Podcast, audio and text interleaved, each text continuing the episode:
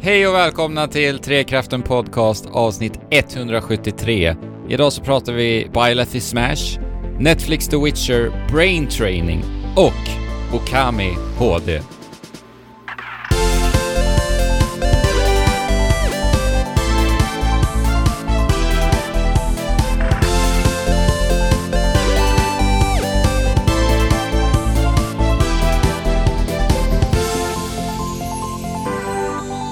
Hjärtligt välkomna tillbaka till ännu ett avsnitt av Trekraften Podcast med mig Alex och med mig har jag givetvis Andrew. Välkommen Andrew. Ja men tack Alex, hej på er allihopa. Och sen har vi ju faktiskt en, eh, en utav oss som förmodligen har varit väldigt saknad. Han har varit det för oss i alla fall. Och förmodligen för våra lyssnare också. Den, den förlorade sonen Fabian är tillbaka från Brasilien. Jajamän, nu är jag i, åter i Svea rike. Mm. Hur känns Första det? gången jag är eh, här på ett tag och inte är, vad är det, 10 000 kilometer ifrån er. Mm. Utan just är nu det så sitter många jag... kilometer? Det är så många kilometer. Eh, och nu sitter vi ju knappt en meter ifrån varandra, jag och Andrew, medan, medan Mm. eh, Alex bara sitter tiotals kilometer från oss. Mm. Mm. Det är lite coolt ändå. Så ja, nu här i Sverige är det grått och deppigt. Så in i bomben. Det är väldigt tomt Mm. generellt. Eh, och, I ditt liv också då, eller är det det du Mitt- pratar om? Alltså, ja, jag, jag, jag, tycker att du är jag tycker att du är väldigt hård emot svenska vädret just nu, för att jag har faktiskt varit ute på en rikt- riktigt solig morgonpromenad idag. Men just nu är Jo. det ju faktiskt ganska grått ute. Men, Visst, eh, det, ska ju, det är ju klass 2-varning runt om i landet och så här. Nu är vi här igen och pratar om väder. Men, Ja. eh, men vi skiter i nu- det är så vädersnacket. uppenbart för mig att Sverige suger nu Kan du sluta? jag har varit så, så länge. Nej, men, Nej, men det, allting spelar ju in på att jag kommer tillbaka eh, till Sverige och inte har någon bostad och något jobb också och inte eh, någon, någon partner som är närmare än 10 000 kilometer ifrån mig. Så att allting är ju lite grått i hela mitt liv. Ja, så, så därför Ja, ska, ju, därför Ja. ska vi ju inte lyssna på vad Fabian säger egentligen. För att allt han säger är Nej. lite är smådeppigt just nu. Superdeppig. I, i, ja. så att, så att. Ja. Men vi ska väl försöka eh, att skina in lite härligt tv-spelssnack. Ja men det är ju en tv-spelspodcast detta Exakt. ju. Mm. Herregud. Men eh, Fabian, Ja. jag är bara lite nyfiken. Nu har ju du varit borta ett tag här. Ja. Eh, vi vet ju att du hann ju inte med så mycket spelande 2019 Nej, inte av alls. förklarliga skäl. Men du spelade i alla fall någonting. Och då vill jag bara fråga, vad var det bästa spelet ifrån i fjol, enligt dig? Alltså, jag spelade ju Celeste i fjol. Ja, men nu Eh. pratar vi 2019 här. Men, alltså vad är det Är det Kingdom Hearts 3? Nej. N- det... alltså, det har jag ju pratat om. Ja. Och det, jag sa ju bara hur urkast, liksom, hur uråldrat det känns. Det PS2. kan inte, precis, uh, känns som ett PS2-spel i Mm. allt annat än grafiken. Ehm, men det kan inte ta tronen. Jag tror att det enda liksom, nya spelet jag har spelat eh, typ utöver det måste vara Dragon Quest Builders 2 då. Just det, det spelade du ju. Ja, och Just spelade det. en hel del. Ja. Eh, och alltså, jag...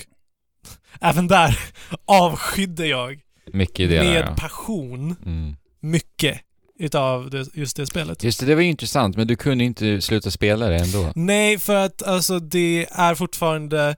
ehm, när du inte pratar med alla folk och inte liksom följer storyn så, så var det väldigt mysigt. Och eh, alltså som sagt, jag spelar ändå mycket, mycket mer än vad jag brukar spela spel och Men- liksom kunde inte riktigt sluta spela det. Klarar du Så av det hade spela? sina kvaliteter. Eh, jag kom till sista, till sista episoden eh, och så. Och där blev det faktiskt lite roligare. Jag vet inte om jag inkluderade det i mitt snack. Men, men, Nej, men eh, testade du någonsin att spela det online? Eh, jag försökte många gånger att komma in och spela med någon online, men det gick aldrig. Jag vet inte om det var för att jag var så långt borta eller... eh, Ja, vet- just det var någonting konstigt med att man måste vara kompis eller kompis kompis med de man ska spela online med. Japanskt och krångligt. Ja, så att det blev, det blev ju aldrig så. Men alltså idén är ju, är ju fantastiskt Ja, verkligen. härligt. Alltså det, det är ju Minecraft, bara det att det är iklätt i Dragon Quest-skruden. Och för Dragon Quest-fans så blir det ju liksom en ytterligare bonus Mm. såklart. Men eh, det är väl det. Jag har ju även spelat ett annat spel från förra året. Eller Mm. påbörjat ett annat spel från förra året. Som heter Pokémon Sword. Ja, just det. Mm. ja. Pokémon Sword. Du är ju ett, eh, ett eh, gammalt Pokémon-fan. Det får vi ju säga. Jag har ju spelat alla Pokémon-spel förutom... Jag började spela Pokémon Black and White. Mm. Tyckte det var så dåligt. Alltså, eller det, det var väl inte nödvändigtvis dåligt men Pokémon-designen. Pokémon-design, Ja. Pokémon-designen var så hemsk Ja. att vid något tillfälle så var jag bara såhär, nej. Nu ger jag upp. Ja. Aldrig någonsin. Att, eller jo.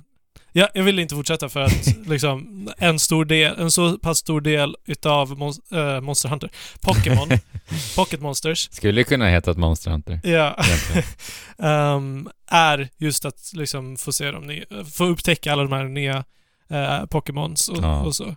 Men sen av någon outgrundlig anledning så valde de att göra en uppföljare på just Pokémon Black and White som har den sämsta monsterdesignen uh, En genom tvåa helt tiderna. enkelt. Men det är väl det enda. Ja, En- det är väl det enda Pokémon-spelet som har Ja. en tvåa? Eller hur? Så är det. Och det gjorde de på det spelet som du anser har den sämsta Pokémon-designen genom Jag är väl inte ensam om det. Nej, jag tror Men inte det. när vi ändå snackar om Pokémon-design och så, så kan vi ju eh, bara slänga ut där att Google har en så här röstning om Pokémon of the year. Mhm. Eh, så att jag uppmanar nu alla att söka på Pokémon of the year på Google så kommer det upp att du kan rösta. Och då kan du rösta på en Pokémon från varje generation som du tycker är Ah, okej. den Mm. bästa Pokémon det här året. Mm. Vem har du Eller röstat din på då? favorit-Pokémon. Vem har du röstat på till Sword and Shield-generationen? Jag har inte vågat titta där ännu Ja, just det, för du har inte... Ja. inte jag förstår. Yes. Mm. Eh, Men om vi pratar men generation Pokémon- 1 då? då vem, vem har du röstat på där? Ja, vem var det jag röstade på? Jag har ju alltid gillat Sandshrew Ja. av någon anledning, men jag tror att jag valde någon annan. Hmm. Ja, för mig står det ju mellan Charmander och Caterpie. alltså. Det, är- det är mina två Caterpie favoriter. är ju nice. Och vad, hur är det med andra? Alltså, det är en jäkligt svår fråga. Det är så många favoriter från den generationen. Faktiskt. Eh, jag vet inte. Jag tycker det är svårt. Jag kan inte svara på det. Nej, det är väldigt svårt. Speciellt när man, alltså man måste ju få bläddra igenom och få Ja. lite tanketid liksom. Mm. Och många har ju, många har ju det lite, lite som liksom sitt favoritgodis, att man lägger det i bagaget och kan plocka upp det när som helst. Att man har bestämt sig för att det här är min favorit-Pokémon. Mm. Eh, jag gillar Bulbasaur också. På det sättet. Ja, i Detective Pikachu, Bulbasaur-scenen. Ja, Ja, så fint. så Så fint. fint. Ja. Ja. Men jag vet inte hur mycket jag borde snacka om Pokémon Sword, förutom att säga att det är Övergripande bara. det tråkigaste Pokémon-spelet jag har spelat. Mm. Eh, rent händelsemässigt. Mm. Ja, det är väldigt straight forward. Det är väldigt straightforward och mm, liksom allting kretsar kring bara det här med, eh, med gymmen. Och det känns som att det bara går från gym till gym till... Jo, men Mm. eh, i Pokémon-spelen så finns det ju någonting ofta runt omkring det Mm. eh, som, som liksom progresserar och som händer. Jag vet inte om Det det, var- kommer. Det var mycket av det där jag var inne på när jag pratade om Pokémon också. Alltså så här, för mig så har ju det ofta varit... Min favorit är ju fortfarande Alpha Sapphire, som jag tycker är det bästa Pokémon-spelet. Just för att det var... jo, det jag fanns tycker den så, generationen är fin. det fanns så otroligt mycket hemligheter i det spelet. Ja, så du tog dig till ett precis. gym och du får nys om att det finns någon legendarisk Pokémon gömd i närheten. Du går dit och börjar utforska och vips så har du tagit ett sidospår som har hänt, där det ja, har liksom precis. hänt massa intressanta vägar, vägar intressanta händelser på den vägen. Liksom. Ja, det är inte så mycket äventyr över upplevelsen så Nej. som det är nu. Nej. Eh, och det, det tycker jag gör att Pokémon tappar väldigt mycket just eftersom också att hela det här konceptet är så pass urvattnat. Mm. Jag menar, jag har älskat, älskat Pokémon sedan Pokémon Röd. Mm. Eh, och uh, varit barnsligt, sett barnsligt mycket fram emot att spela varje spel. Men det här spelet ger mig inte det också. Det kan ju handla om att jag har spelat alla Mm. Pokémon-spel tidigare också. Mm. och att jag helt enkelt har tröttnat på själva konceptet. Mm. Sen, sen finns det ju mycket eh, grejer som... Mycket quality of life-grejer i Pokémon Sword och Shield som jag tror förenklar saker på tok för mycket för att alltså allting på något sätt är tillgängligt hela tiden. Mm. Att du går runt på äh, det här fältet och så liksom ser du alla massa högst uppgraderade Pokémon som staplar runt. Det liksom tar bort någonting av den här mystiken kring Pokémon. Ja, just när du ser högt, högt levlade. Precis. Ja. Jag tycker att det kanske var ganska onödigt. Det räcker med att ha liksom eh, bara i gräs-Pokémon, de, de vanliga Pokémon. Ja. Sen så känns det också lite som den här jakten. Den ändras och jag gillar inte random encounters så som det är idag. Eh, och det är jätteskönt att man kan välja Mm. vilken, vilken Pokémon du ska agera, eh, initiera en strid med och det är jättenice att du får experience när du väl fångar en Pokémon. Just det. Är skönt. Men liksom, jag känner inget motiv av att använda någon annan Pokémon än den jag än den jag startat med, mer eller mindre. Nej, man behöver ju inte det heller. Nej. För utmaningen finns ju inte. Nej, det finns ingenting. Alltså det, Mm. det är så... Det är så... De har gjort allting så lättillgängligt att det inte finns någon utmaning, helt Mm. enkelt. Eh, och jag vet inte... Det, men det är också så här de måste göra på ett sätt, för att de som har spelat alla Pokémon är trötta. Mm. Är trötta på många av de här sakerna som eh, gör att mm, liksom jakten och mystiken på något sätt fortfarande finns. Men det är också alldeles för tidskrävande och omständigt. Ja, verkligen. Jag, jag startade ju min jakt i att eh, fånga alla. Ja, Men jag insåg ju till slut att det var alldeles för, för tråkigt, rent Mm. ut sagt. ja, alltså det det, det, det, jag- är ju bara repetition. Det jag Ja. tycker blir så otroligt tråkigt med Pokémon Sword and Shield, det är att det är så mycket kring det där spelet när det kommer till att fånga alla som kretsar kring Wild Area i spelet. ja, Ja. Alltså så här, majoriteten av mina endgame-timmar har ju bara sprungit runt i Wild Area för att leta Ja, alla. Pokémons. ja, jag kan tänka mig. Och det, är inte stort. Nej. man Nej. inser ju det när Nej, det man finns ju ingenting av den där äventyrskänslan, för det känns ju bara som ett Nej. stort Pokémon-safari, där, där Ja, alla precis. Pokémons bara är infängslade i den här Mm. lilla utrymmet. För det Ja. finns knappt, knappt någon anledning att gå tillbaka Mm. till ställen man har passerat, för många Pokémons dyker upp i Wild Area. Ja, och Mm. är det inte så att det.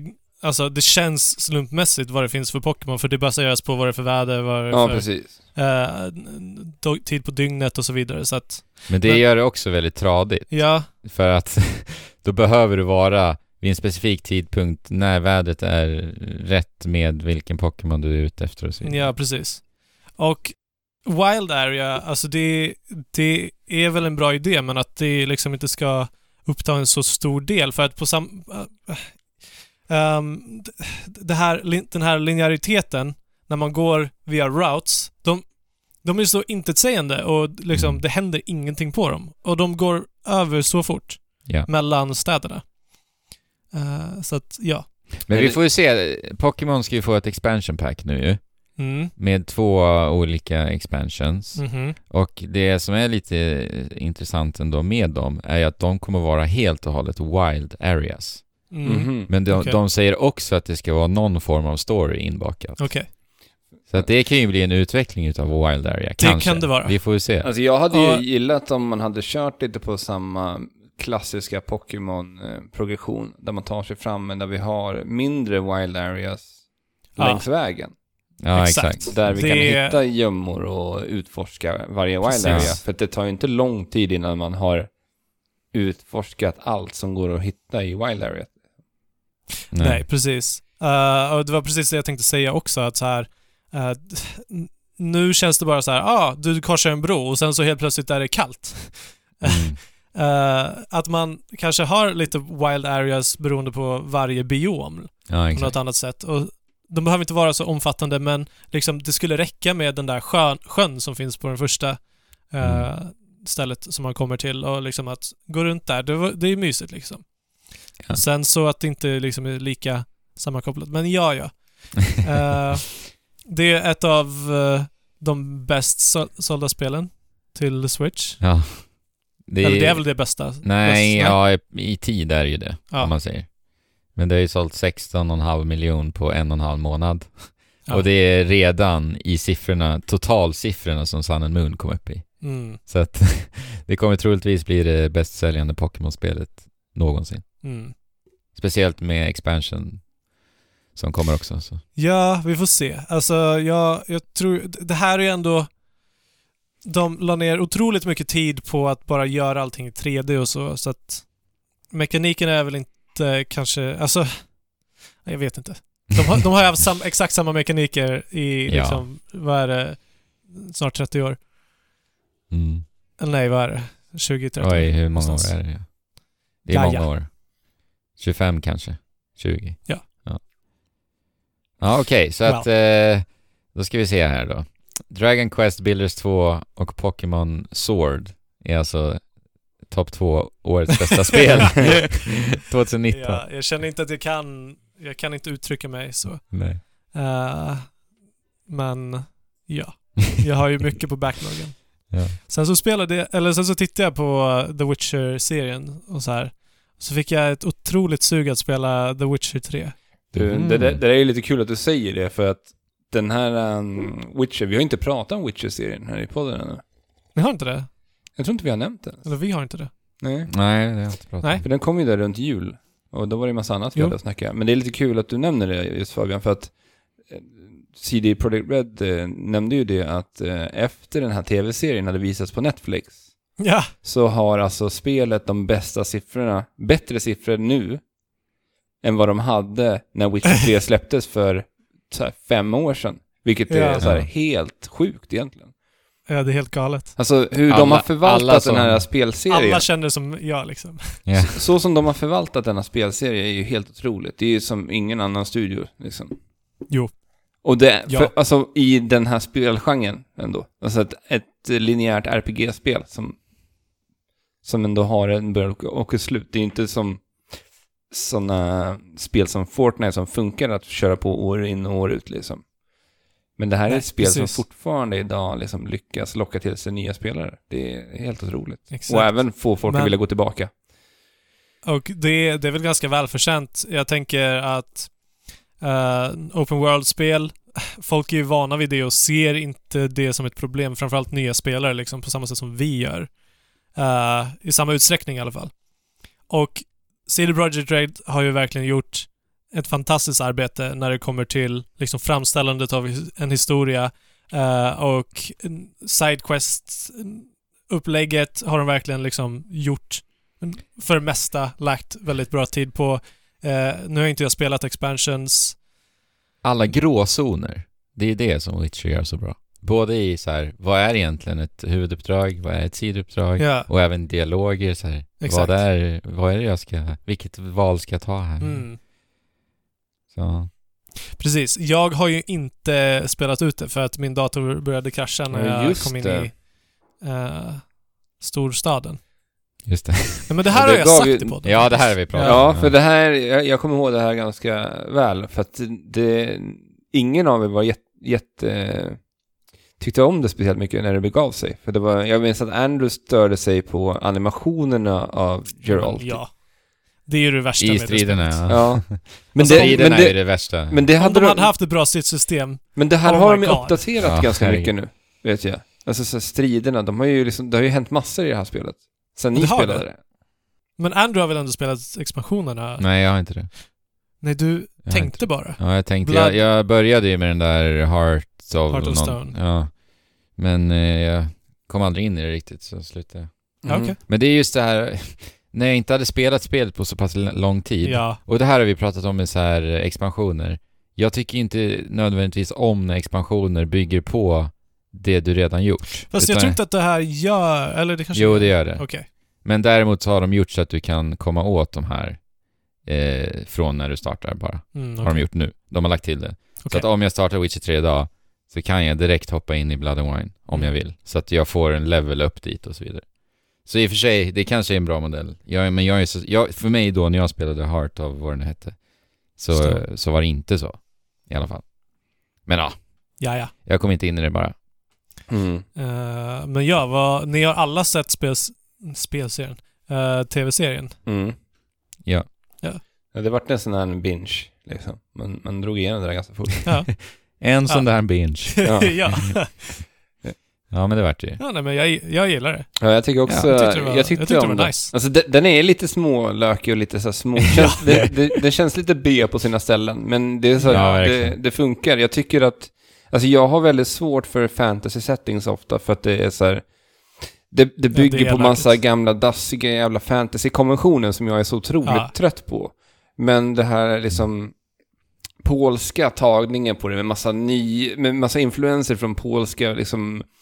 Eh, Legender myto- och- Ja, precis. ja. Det, det, det blir... Det finns så mycket intressant i det universumet. Exakt. Alla dessa olika Mm. väsen och varelser de nämner och... ja, det har Unik någonting musik unikt. också, Ja. faktiskt. ja. Alltså jag tycker, jag tycker alltså det är, det är ju väldigt high fantasy. Men det har inte känslan av en så här high fantasy setting på något sätt. Men det är just att liksom Geralt, han, han är ju övermänskligt stark eh, som en mutant, men, men han liksom använder inte sina, vad heter det, signs, vad man nu kallar Ja, visst heter det Sign? så mycket. Eh, och det, det enda man ser är ju typ så här i, när Jennifer, ja jag vet inte. Det. Budgetfråga kanske, jag vet inte. Jag vet inte. Det är inte så Men mycket monster heller. Fighting-scenerna är ju riktigt bra. Ja, alltså så här. Jag älskade den här, eller älskade, det var otroligt mycket att ta i. Jag älskade inte den här serien. jag tyckte att den var, den var eh, som bäst bra. Ja. Eh, Men helt okej liksom. Eh, Men i alla fall, i första avsnittet så är det ju en fighting-scen som jag tycker är en av Ja. de typ coolaste fighting-scener jag sett, alltså Jag någonsin. tittade om på den flera Ja, gånger. Jag med. Det finns för övrigt en YouTube-video när Henry Cavill går igenom den här fighting-scenen, för han Ja. har varit med och, och regisserat den. Ah. Det titta på den, sök på typ ja, det ska jag här. Henry Cavill, eh, fight scene, bla bla, då hittar ni säkert. Eh, men den fighting scenen är magiskt bra alltså. Mm. Och den är väl kanske en halv minut lång eller någonting. Ja. Eh, och man känner en sån jädra tyngd i varenda svärdsving Ja. som Henry Cavill gör. Och Henry Cavill är ju sjukt snygg och han är så biffig så att det i kombination med varje svärdsving känns så mäktigt alltså. Ja. Och eh, kameravinklar, alltså allting är Ja, så snyggt, är så, så- cinematiskt. Eh. Och eh, jag får en väldigt eh, John Wick-vibb utav den här Ja, det är det fighting-scenen. Mm.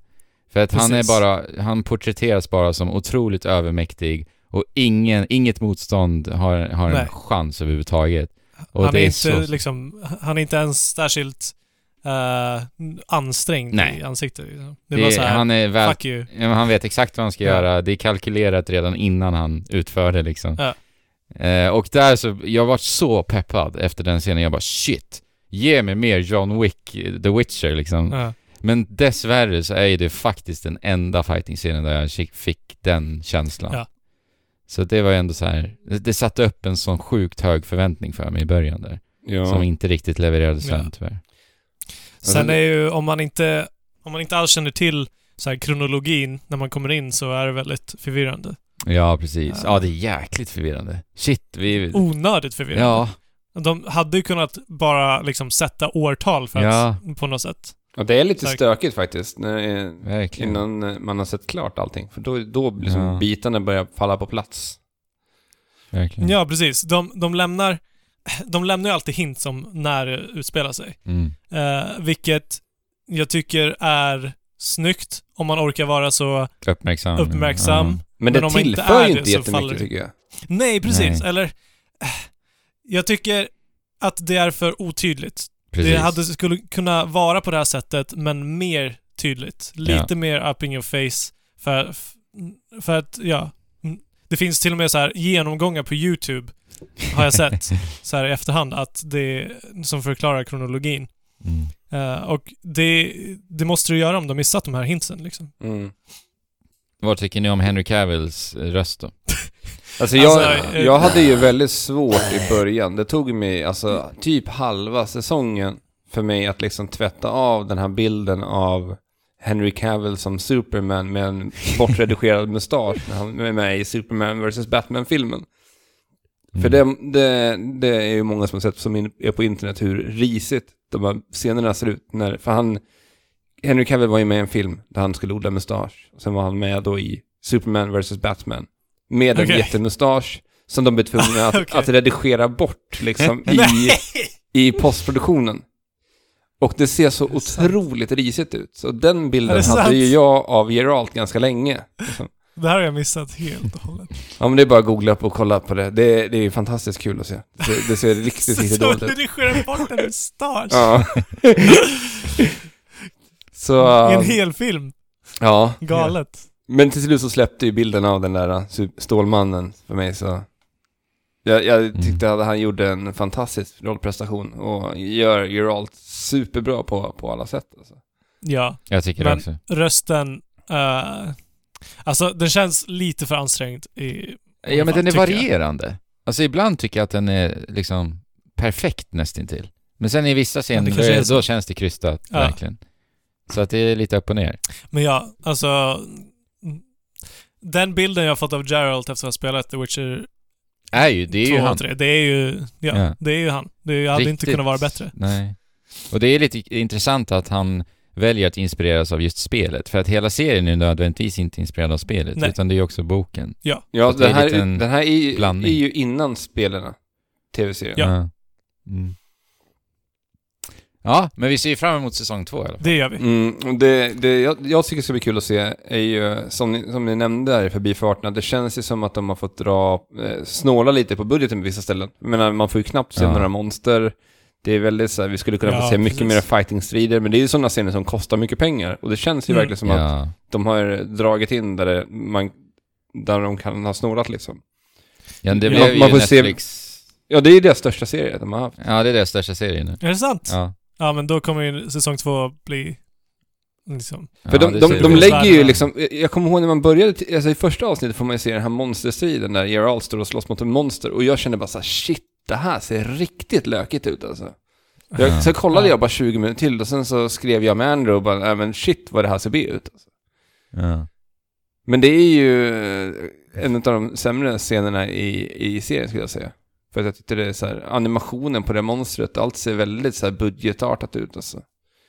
Nu, Alex, nu har det laggat lite här eh, när vi har pratat, men jag antar att du menar den absolut första scenen Ja. med träskmonstret. Ja. Exakt.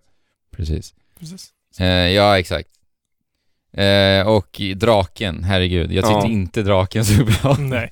Nej, nej den var inte heller så värst bra alltså. Men det, Men det är också så här, man får ju tänka på, det här är inte Game of Thrones liksom. Nej. nej. Precis. Men man det, det, köper det ändå. det ska Men bli det kul att se blir... Ja, exakt. med budgeten nu, för det, jag menar Netflix Ja. kommer ju inte snåla med pengar till nästa Nej, nej, säsong nej. två alltså. Nej. Ja, Det kommer nog bli, jag, jag kan ändå se Witcher säsong 2 bli en rejäl jädra hype innan den släpps. Ja, Ja. det tror jag. Det Jag tror tror jag. det. Ja, Absolut. definitivt. Men Och- frågan är om de liksom ehm, faller tillbaka på massa tropes eller försöker göra någonting Fortsätta. och, och liksom... Ja, vi får se. Ja. Men vi har ju inte ens nämnt Toss, Toss a coin to your Witcher. Mm. Alltså den låten, j- jag älskar den. Men, och jag vill bara säga, finns det någon låt som fastnar snabbare och lättare på huvudet än den låten? Alltså när jag hörde den första gången, jag bara, okej det här kommer, alla kommer lyssna, alla kommer gå runt och sjunga på den här så fort de hör den. Och det, var ju Och det blev ju värd, alltså vilka genier som skrev den låten. Mm. Alltså jag tycker den är, rent melodiskt, eh, så fastnar den på huvudet, alltså det är helt sjukt. Hur går den? Jag har inte hört den. Toss a coin, to your witcher, O valley of plenty. Just det. Just det. Och det är så kul för folk har gjort massa covers på den här låten, så det finns ju så här metal-versioner, det finns allt möjligt, jazzversioner Jag så. sökte en gång på YouTube på Toss a coin to your witcher. För att det, låten, det som är så bra också, den finns ju inte på Spotify. Alltså originallåten. Är Det så? finns inte. Nej, och det har ju lett Det till att miss. det lägger upp massvis av covers på den här låten. Ja. Så att alltså jag tror att det här är ett genialiskt jäkla PR-drag. Ja.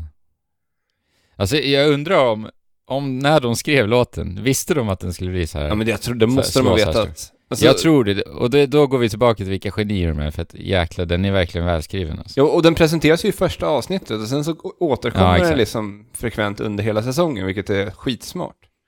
Mm. För det, då påminns man ju hela tiden om... För att första avsnittet, när de väl sjunger den här låten, jag tycker den scenen är också så jäkla nice.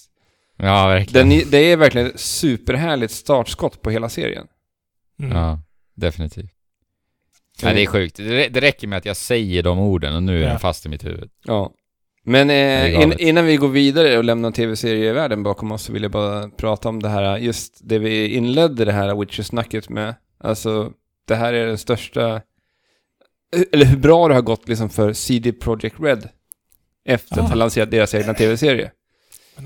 Det känns ju som att många andra spelföretag kommer att blicka åt tv-seriehållet nu framöver. Och vilja Mm. göra sina Men, egna ja. tv-serier. Det är inte alla tv-spel som passar sig bra för tv-serier. Eh, Corey Balrog, eh, God of War eh, Creative Directorn, twit- twittrade ju Jag vill definitivt se God of War som ett försök för att vara tv-serie. Det vill jag också. Ja. Mm. Se om Netflix snappar upp va? Hörru? Ja, men, har ni sett eh, South Park, de senaste South Park Nej, jag har faktiskt inte sett South Park på Där är det så här. eh, de ska ju om att Netflix köper allt. Ja, okej. att, eh, ja, de, att de är desperata och liksom uh, greenlightar allt, allting som kommer in. Även om det Mm. ja, inte är deras taktik. Mm. Eh, till nästa avsnitt så har ju vi faktiskt sett eh, filmadaptionen utav Sonic Just det, allihopa. på tal om detta. På tal om det här. Det ska bli spännande. Ja. Vi, eh, ja. Alltså, jag har ju inte höga förväntningar. Nej, jag har, jag har inga förväntningar. Och den som inte kommer se Sonic utav oss, det är Jesper. Han är ju inte här idag. Nej. Nej. Eh, han, är, han hade ju tänkt att prata om eh, Snack World, The Dungeon Crawl Gold idag. Vadå, Alltså, vad heter är det det, för het, spel? het, heter det Gold på slutet? Ja. Ja. Eh, men han är dessvärre så kunde han inte vara med idag, så han får väl ta det till nästa avsnitt. Eh, det känns lite trist. Jag vill bara säga, det finns alltså en drake i Snack World, jag måste fråga Jesper om det här nästa avsnitt också, Okej. som heter Smörg Åsbord. Smörk Åsbo. With, med Å. ja, och med Åsbord. Ö. Smörg Åsbord. Det stavas Mhm. så. Aha. Ja. Det hade varit kul att fråga honom om det. Vi får se till nästa avsnitt. Att det finns någon, någon svenne där och Ja men ja, precis. på, Det är level 5 ju. Det är level 5 ja.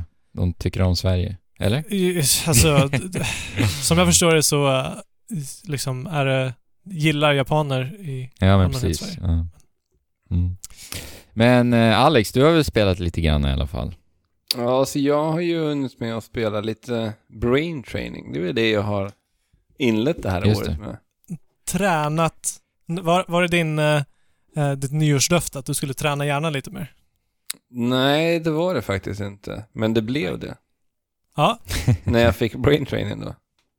Ja. Och Hur har det gått då? hoppades på att det här skulle vara den som skulle följa med mig hela in i det här nya årtiondet och kunna vara min hjärngympa. Mhm. Eh, Brain Training är ju en spelserie som introducerades på Nintendo DS från början. Exakt. Mm. Dr. Kawashimas Brain Training. Heter det fortfarande detsamma till Switch nu? Eh, jag tror att det heter det. Hans namn står med i alla fall. Och han är fortfarande en del av spelet. Ja, han är ju Facet som... Ja, Den här- Brain training for Switch liksom. Det är väl typ det. Ja. Ja, det är exakt samma spel, eller? Det är väldigt mycket samma spel som det var till DS. Med lite nya Mm. tillägg. Eh, Brain Training Alright. går ju ut på att eh, du har dina olika övningar. Det kan vara allt ifrån att du ska räkna simpla mattekalkylationer så på, Mm. på kort tid. Från att du ska eh, göra minnesövningar. Till eh, sudoku. Vad är det Just mer? det. Det. finns all- alla möjliga typer av sätt som du kan, eh, olika övningar som du använder för att som träna din hjärna lite grann. Mhm. Och meningen med brain training är ju att eh, du som spelare ska komma tillbaka till det här varje dag. För att eh, det. göra det dagliga brain age-testet.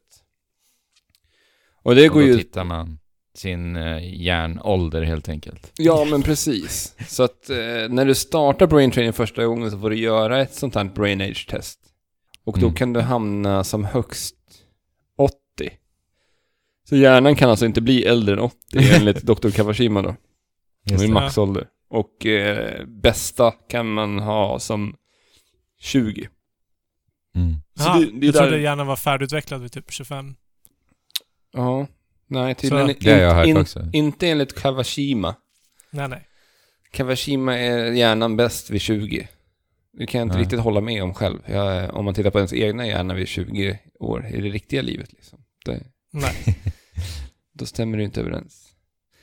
Men, Men så gör man det. blev Alex gärna för ålder? Alltså jag hamnade ju eh, på en riktigt hög ålder första testet. Alltså jag tror att det var så här Oj. 74 liksom. Där. Hur mycket? 74. 74! Åh, jäklar. det är ju nästan så gammalt. Ja, jag vet. Men jag, jag gjorde ju inte ett jättedåligt test. Och direkt så vart jag ju Nej. lite konspiratorisk där och tänkte så här, Ja. ja. vad, Ja, just vad gör det här spelet med mig egentligen? Vill de lura mig att min hjärna är äldre? Mm. Så det är väl den, eh, den bit, tanken jag har haft med mig hela tiden när jag har spelat Brain Training. Så här, hur, hur Men- funkar det här egentligen? Men minns du hur dialogen var efter att eh, Kawashima presenterade den här åldern för dig? Var det liksom så här, men nu tar vi tag i det här, nu ska vi få Ja, det, din... ja, men det är ju verkligen hjärnålder." så. Först Ja. blir Ja. han så här chockad, du vet han, eh, han gapar och precis. skriker med öppen mun och bara så här, Ja. åh det här är hemskt, vilken, det här måste vi göra någonting åt, jada jada. Ja. Design. Och sen så kommer han in och bara, men vi löser det här tillsammans. Kommer du hit och gör dina dagliga övningar så ska du se att din ålder kommer börja sjunka med tiden. Ja. Ja. Och jag gjorde det här, jag har spelat brain training varje dag i en månads tid ungefär. Aha. Mm. Och eh, har ju lyckats sänka min ålder med tiden. Aha. Och gjort mina dagliga övningar. Och jag brukar alltid köra så här. i- Varje dag så har jag startat upp, gjort de här kalkylationerna. Man ska räkna ut 30 stycken mattetal på så snabb tid som möjligt. Mhm. Jag har fått ner min bästa tid till att vara på typ 30 sekunder, vilket jag är jättenöjd med. Men när jag väl gjorde den, när jag tog det rekordet så gjorde jag såklart inte det i en brain training-utmaning. För att Nej, de här Nej, övningarna kan ju dyka upp då i brain training-testerna också. just det. Så att den räknades inte. Men eh, jag fick ju en härlig peak på min stapel som gjorde, gjorde mig ändå lite glad. Men Nice. eh, jag, jag vet inte. Det känns inte som att det här, det här spelet känns inte så fräscht 2020 som det gjorde när det släpptes i DS. Nej, jag, jag, kan, jag kan väl tänka mig det. Eftersom att liksom tekniken var som... te, tekniken var ny. Och att bara skriva på på uh, und, under skärmen var, var liksom revolutionerande. Ja men det var ju det, för det var ju något nytt att spela Men- med liksom stylus då. Ja. Men övningarna borde ju, om de är bra övningar så borde de vara odödliga. Absolut. Ja, men det tror jag. Men då kan du ju bara ladda ner en app till din telefon istället. Mm. Eh, Och då tipsar jag om Elevate. Okej. Mm. Ja, du har också försökt Alltså jag provade Träna, Elevate i typ två veckor. bräna. Gärna. jag provade Elevate i typ två veckor då när Alex, för jag har varit så sugen på Brain Age när jag, Alex, eh, jag provade det hemma hos Alex. Så då provade jag Elevate. Och anledningen till att jag inte har fortsatt är bara för att jag har varit lat och inte gjort det. Men det Mhm. känns ju exakt som Alex beskriver. Det är ju Mm. exakt samma sak egentligen. Mm. Så, och den, jag betalar inte för den ens. Nej. Eh, men du Okej. kan betala såklart för att få lite förmåner och så. Så, Och det är väl ändå inte lika mycket om du skulle välja att köpa fullspelet. nej precis. Det är inte lika mycket som Brain Age, nej. Nej. Eller är det så här subscription? Men jag kommer Jag har sett att det finns sånt också. Kommer inte ihåg. Jag vet inte vad Brain Age ligger på i, i prisklass riktigt.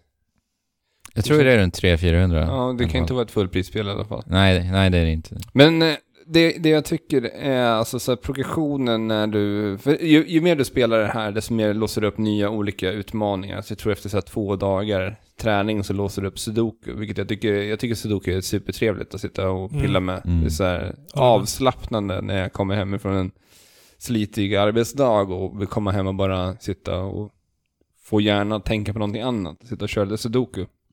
Precis. Mm. Och eh, presentationen i det här spelet är ju också jättehärlig med den här Kawashima. Och Mm.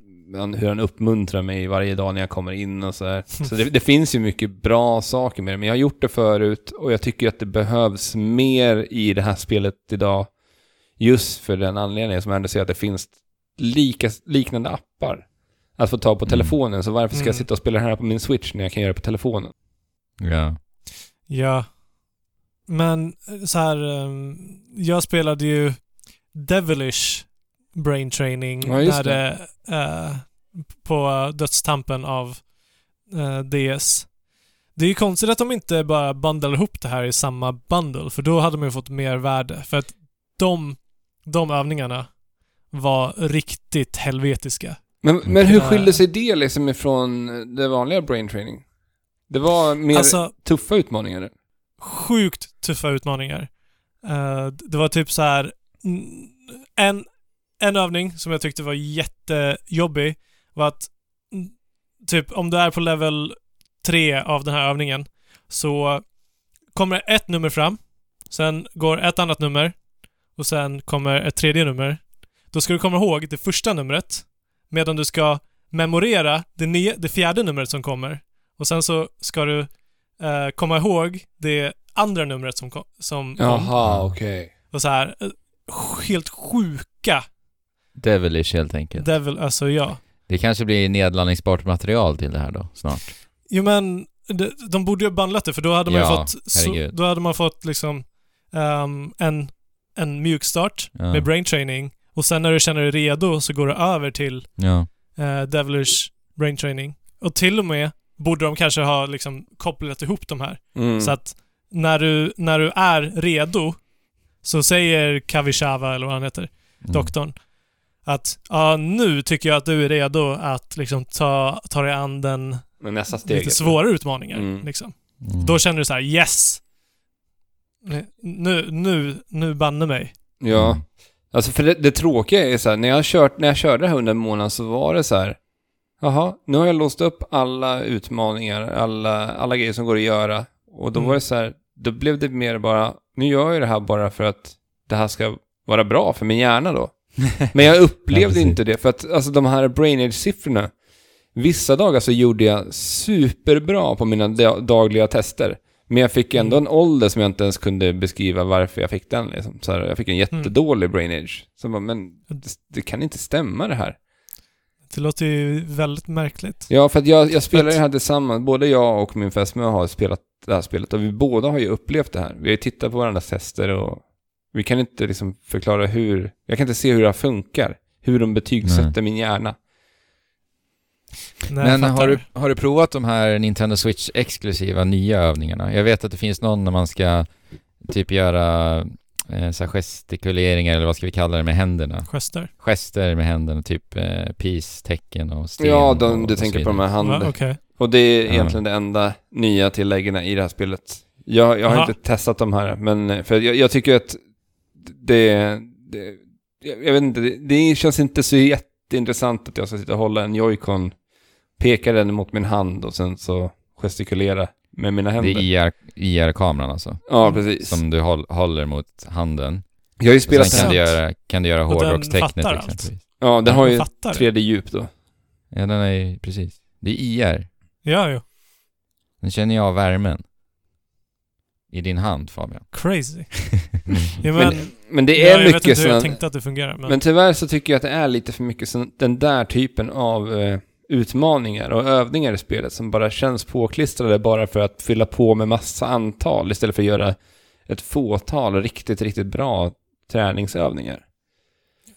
Alltså, jag är ju ganska säker på att om du inte har något annat att liksom träna din hjärna med så är det bättre att du gör de här övningarna istället för att du inte gör dem. Ja. Även. Alltså, spelar roll vad han säger att din, din hjärnålder är. Att Så du, är det nog får, bra i slutändan. att du får tänka eller att du får en anledning att tänka på det här sättet och tänka på de här olika sätten som du måste göra i de här olika övningarna Mm. måste ju ha någon slags positiv effekt. Ja, men det har du ju. Alltså, det, det är bara alltså en... i det långa loppet. Det kanske inte... Du kanske inte känner någonting efter en månad liksom, men eh, ett halvår, alltså det är som att träna överhuvudtaget.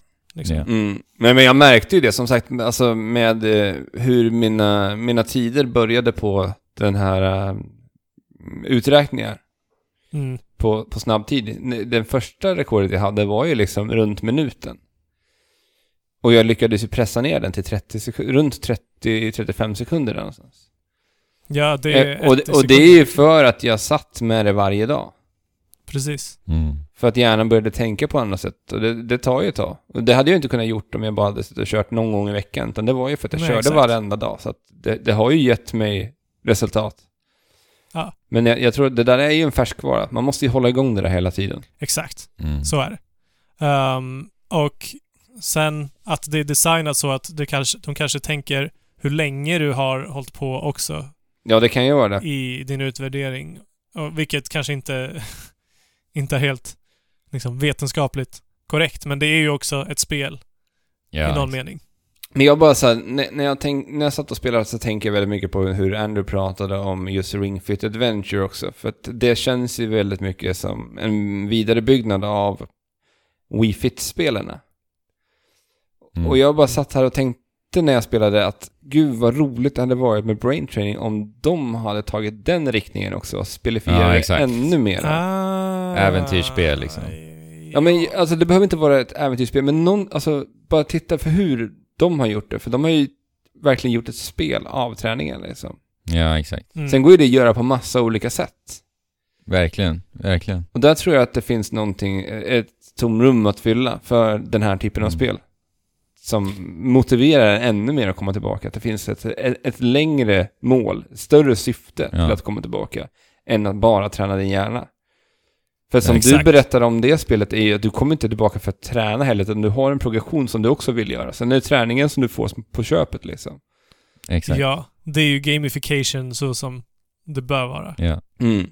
Jag ska börja spela Ring Fit idag igen faktiskt. Jag, jag berättade Va? för dig här i, i, via meddelande i helgen Fabian, att den här helgen som vi spelar in på en söndag, det är Ja. helg nu, har varit lite av en reboot-helg för mig. Okej. Så jag så här, förbereder mig för att komma igång med träning.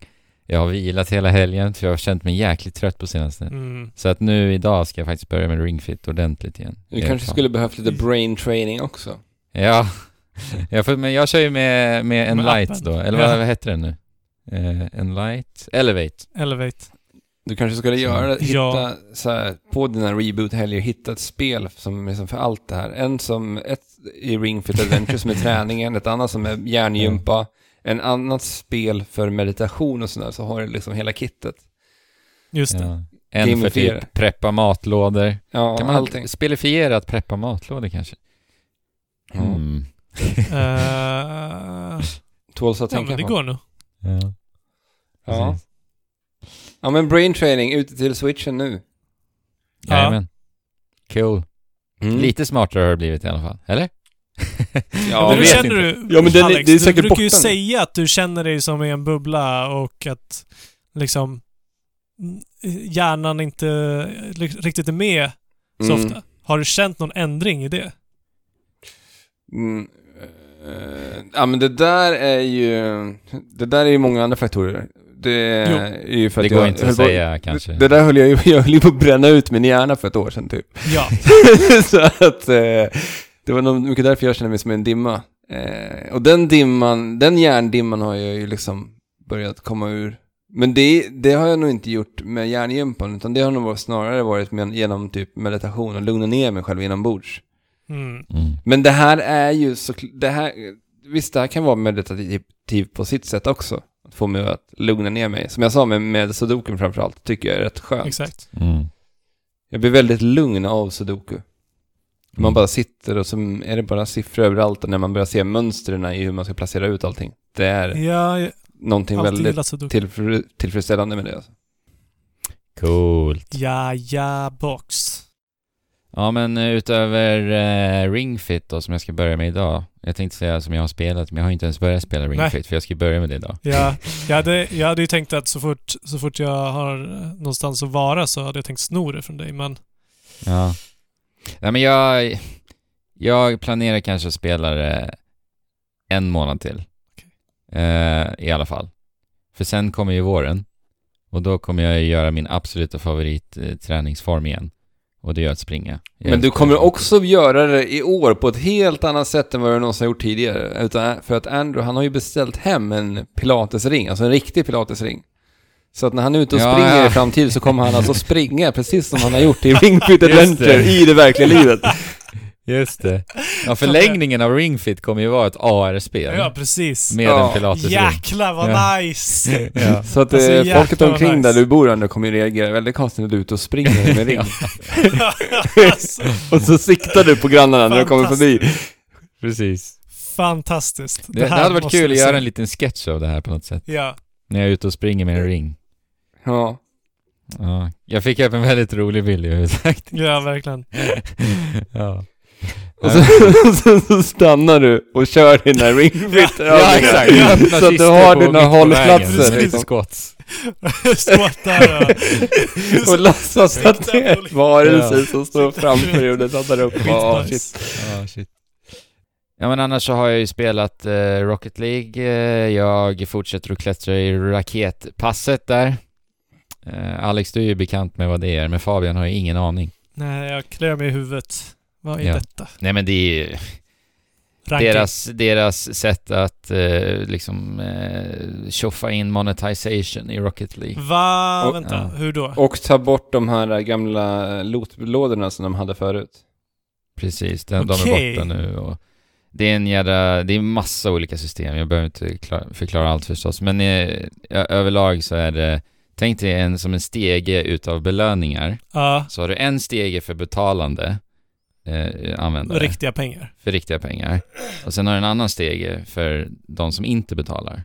Okej. Och sen så får du belöningar oavsett om du betalar eller inte, men du får mer frekvent belöningar om du är en betalande användare. Och du ser alltid Du ser hur allt. frekvent du skulle ha fått Exakt. belöningar om Exakt. du betalar. Jajamän. Fy, vad smart och äckligt Ja, jag, jag tycker ju den här modellen är kanske den bästa jag sett. När Är det, det? kom, när det kommer till kosmetiska Jo. Belöningar i spel eh, och du, att du ska punga in pengar. För du ser ju vad du köper. Ja. Och som du säger, det är ett så smart sätt. För att när jag spelar och klättrar i det här raketpasset så ser jag ju vad jag går miste om Mm. varje gång.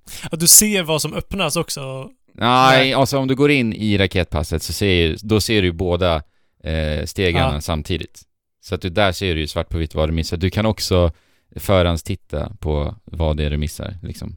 Så det är ju sjukt smart verkligen. Eh, ja, verkligen smart. Men lyckligtvis så är det bara kosmetiskt här. Du känner inte att så här, du måste ha de här sakerna som du går miste om. Jo. Du gör det. Ja, för jag älskar Rocket League och jag vill ju ha alla coola grejer. Men hur är betalningstjänsten då? Ja men det är one time purchase. Och är det, en gäller ju för, för, för ett visst antal månader också. Ja, så det är en säsong. Ett raketpass är liksom en säsong och den, Okej. den är drygt tre månader lång ungefär. 16 veckor tror jag, eller något sånt. 14. Så hur mycket betalar du per säsong då? Eh, jag tror att det är runt en hundralapp bara. Mm. Jag säger bara, men Ja. det är ett så fantastiskt bra spel också så att eh, liksom, jo. Ja. de pengarna Om det här fortsätter så kan ju Rocket League bli det spelet du har lagt ut mest pengar på snart. Alltså, du har Ja, köpt men- det här. Men de gör det så smart för att du låser upp in-game currency, alltså valuta i spelet, Mhm. när du också klättrar i raketpasset, Okej. som gör att du också kan använda dem på nästa raketpass. Så att då, egentligen när du betalar första gången, så köper du ett pass in i systemet på ett sätt. Mhm. Sen behöver du inte betala mer, för Alltså att du får ju de här... så sjukt smart. Ja. Ja, det är ju sjukt smart. Men du kan också köpa saker för de här pengarna. Mm. Men om du väljer att hålla kvar vid dem till nästa raketpass, så får du tillgång till nästa säsong. Ja, det- sjukt smart. Men, Men jag, har i alla- jag har i alla fall spelat så pass mycket nu i denna säsong att jag kan eh, köpa nästa säsong. Så jag är typ klar om man säger så. Men jag kan ju fortfarande låsa upp nya, nya belöningar och så. jag hoppar ju lite tillbaka till Rocket League också efter att du spelade det här under julledigheten och lirade Ja. lite ihop med dig också. Mm. Åh, fasen vad roligt det här spelet är alltså. Ja, det blir aldrig tråkigt. Nej. det blir verkligen aldrig tråkigt. Jag vet inte, jag har ju hundratals timmar tror jag totalt i det här nu. Hmm. Det är Men du spelar på Switch. Ja, jag spelar på Switch nu. Men det här, Men det är ju för att jag spelar på jobbet. det här kontot du har, det är ju kopplat... För nu har man ju Rocket, Rocket ID. Mm. Och det är kopplat till din, eh, din profil på din konsol, eller hur? Ja, exakt. Eh, Alla, all liksom eh, framsteg jag gör på switchen blir liksom kopplat till switchen. Så att jag kan dessvärre inte få de här belöningarna om jag nu skulle välja att spela på PC. Ja. Tyvärr, det, jag, det är konstigt. det är konstigt. Jag undrar egentligen varför, men det är väl också så här för att man ska köpa det på fler plattformar, kanske. Men samtidigt, jag, jag vet faktiskt inte. Det blir ju inte riktigt cross- cross-platform då. Nej, sätt. inte för mig. Inte för Nej. om du är inne i Rocket Pass-träsket. Men jag menar, det, det hade ju upp, det hade ju hjäl- hjälpt jättemånga som är så här riktigt inne i Rocket, Rocket League. Jag tänker framförallt, Rocket League har ju väldigt många PC-spelare. ja. Som kanske liksom står och väger över att köpa den där switchen. ja, exakt. För att kunna fortsätta spela Rocket League vart de vill. Ja. Det känns som att där tappar de ändå ganska många potentiella köpare. På att Mm, det inte funkar på det sättet. precis. Kanske tekniska liksom, svårigheter, jag Jo. vet inte. Ja, alltså, Men förhoppningsvis, alltså, att- så, så som de ändå har uppgraderat det här spelet sen det släpptes. Jag menar, när vi spelade Raketligan för, ja, vad är det nu? Det måste vara typ Fem, fyra år ja, sedan. det var Fyra år sedan typ. enormt länge sedan. Ja. Eh, så då var det ju jättemycket att köra cross-platform, för då blev man tvungen att så här, sätta upp en lobby och sen hade den lobbyn ett ID, sen skulle alla gå in och söka på det här Mm. IDet för att kunna spela cross-platform med, ja då var det bara på PS4 och PC. Mm. Till att idag vi bara har ett Rocket-ID för att kunna spela cross-platform. Jag tror att så här, cross-platform kommer ju bli så mycket mer enklare i framtiden. Ja. Ja, och Rocket League gör det så bra. Det är det bästa jag har upplevt. En cross-platform, faktiskt. Det är så smidigt, och det, det är verkligen så smidigt som det ska vara. Du har en separat Rocket ID-vänlista Mm. med alla dina vänner via Ja. Rocket ID bara. Och sen invite och sen är det klart. Supersimpelt, så det funkar Nice. jättebra. Rocket League är fantastiskt. Det fortsätter jag spela. Eh, sen har jag spelat eh, Super Smash Bros Ultimate, bara för att det har kommit en ny karaktär ju. Just det. Eh, Fire Emblem-karaktär. Där alla ramaskrit att det är ännu en Fire Emblem-karaktär. Hur många är vi uppe i nu, Andrew? Ja, jag Är vet sju? inte. Det är väl sju, åtta, någonting sånt. Det är, det är ju för många. Ja. Problemet är ju att de är så sjukt lika varandra, alltså estetiskt. De är ju liksom från samma spelserie. Exakt. Och det är bara anime sword fighters. det är ju det som är problemet. Sen kan jag tycka att fansen blev lite väl galna när det blev utannonserat. Det, det blir liks- liksom lite för mycket. Eh, De kan inte riktigt respektera att det ligger mycket jobb bakom de här ändå förstås. Det är ju Nintendos beslut ska sägas också. Ja, det har ju kommit fram nu också i efterhand att Sakurai själv tycker att det är för många Fire Emblem-karaktärer. Det är för många karaktärer med svärd. Utan, för att det här är ju alltså Nintendo som har beslutat alla karaktärer. Ja, och ehm, Fire Emblem är ju...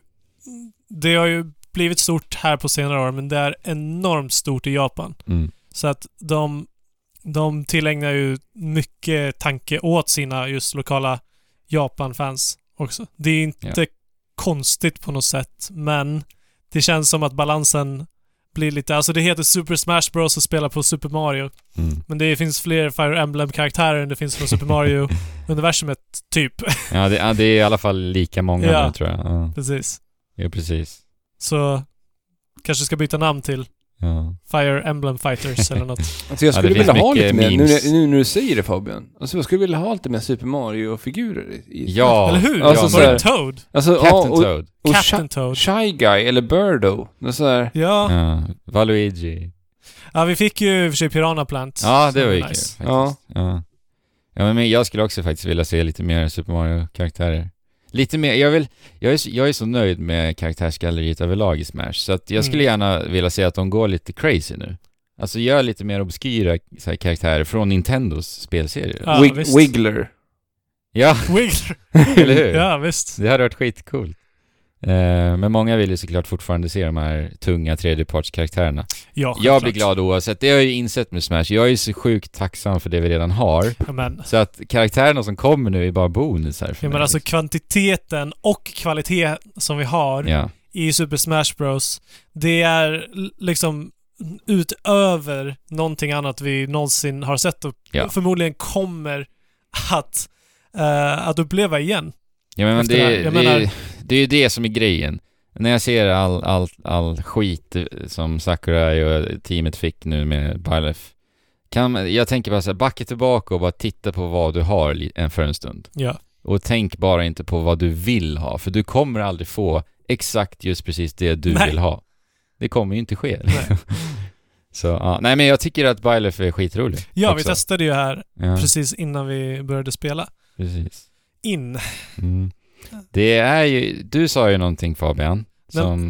Nej, men jag tycker att Byleth, eh, jag hade ju bara sett, jag hade inte ens tittat på hur Byleth spe, spelar så, så här. Nej, Men jag tycker att han, hon, hen, hen, ja, Hen- den, det, jag vet den, inte. nej, hen, Det är. Dem. Ja. de. Ja. jag tycker att de känns väldigt, väldigt tajta. Mm. Eh, och just eftersom att de har massa olika vapen, de, de har, har något legendariskt vapen jag inte spelat, Three Houses. Um, liksom en legendarisk yxa, en legendarisk, s- ett legendariskt spjut, ett legendariskt svärd, legendarisk pilbåge. Och allting känns så jäkla tungt. Mm. Varje attack som de gör. Och det coola är ju då att varje vapen är ju kopplat till, till riktningen Precis. du gör attacken i. Så att alla attacker du gör till höger och vänster är ett spjut. Alla attacker du gör neråt är en yxa. Alla attacker du gör eh, med neutral B, nu blir det lite grekiska här men, Ja. eh, vad ska man, ja neutral B, Ja, men neutral B, bara B, utan ja. riktning. Då är det en pilbåge och så vidare. Ja. Eh, och just den här variationen i vapnen och tyngden, Mm. responsen som man får när du använder de här vapnen gör att det känns som att den här karaktären skulle lika gärna kunna vara en Monster Hunter-karaktär. Ja, precis. Det var ju det. Och det, det håller jag verkligen med om alltså. Det känns verkligen... Ex- jag, så här hade jag ju typ sett mig Exakt. en monsterhunter-jägare kunna vara. Exakt. För Att du, man kopplar just vapnen till, till riktningen och så vidare. Ja. Eh, och, och sättet som det utförs på är också så här. yxan är så jäkla tung. Ja, Och verkligen. det känns bättre än en Falcon Punch. Ja, det är eh, lite den typen av attack. Exakt. Mm. Och precis som det är i Monster Hunter, att du liksom, du måste anticipata Mm. de- attacken. Precis. Ja, men Bylef, jag har ju spelat mycket Bylef. Jag tror jag har typ så här 500 KOs med Bylef. Jag har spelat en hel del. Nice. Och det märker man med Bylef som karaktär, det är verkligen en karaktär som handlar sjukt mycket om spacing. mm. Nu blir det som sagt lite grekiska här, men det är alltså att räkna av, eller beräkna avståndet mellan motståndaren och din attack. Ja.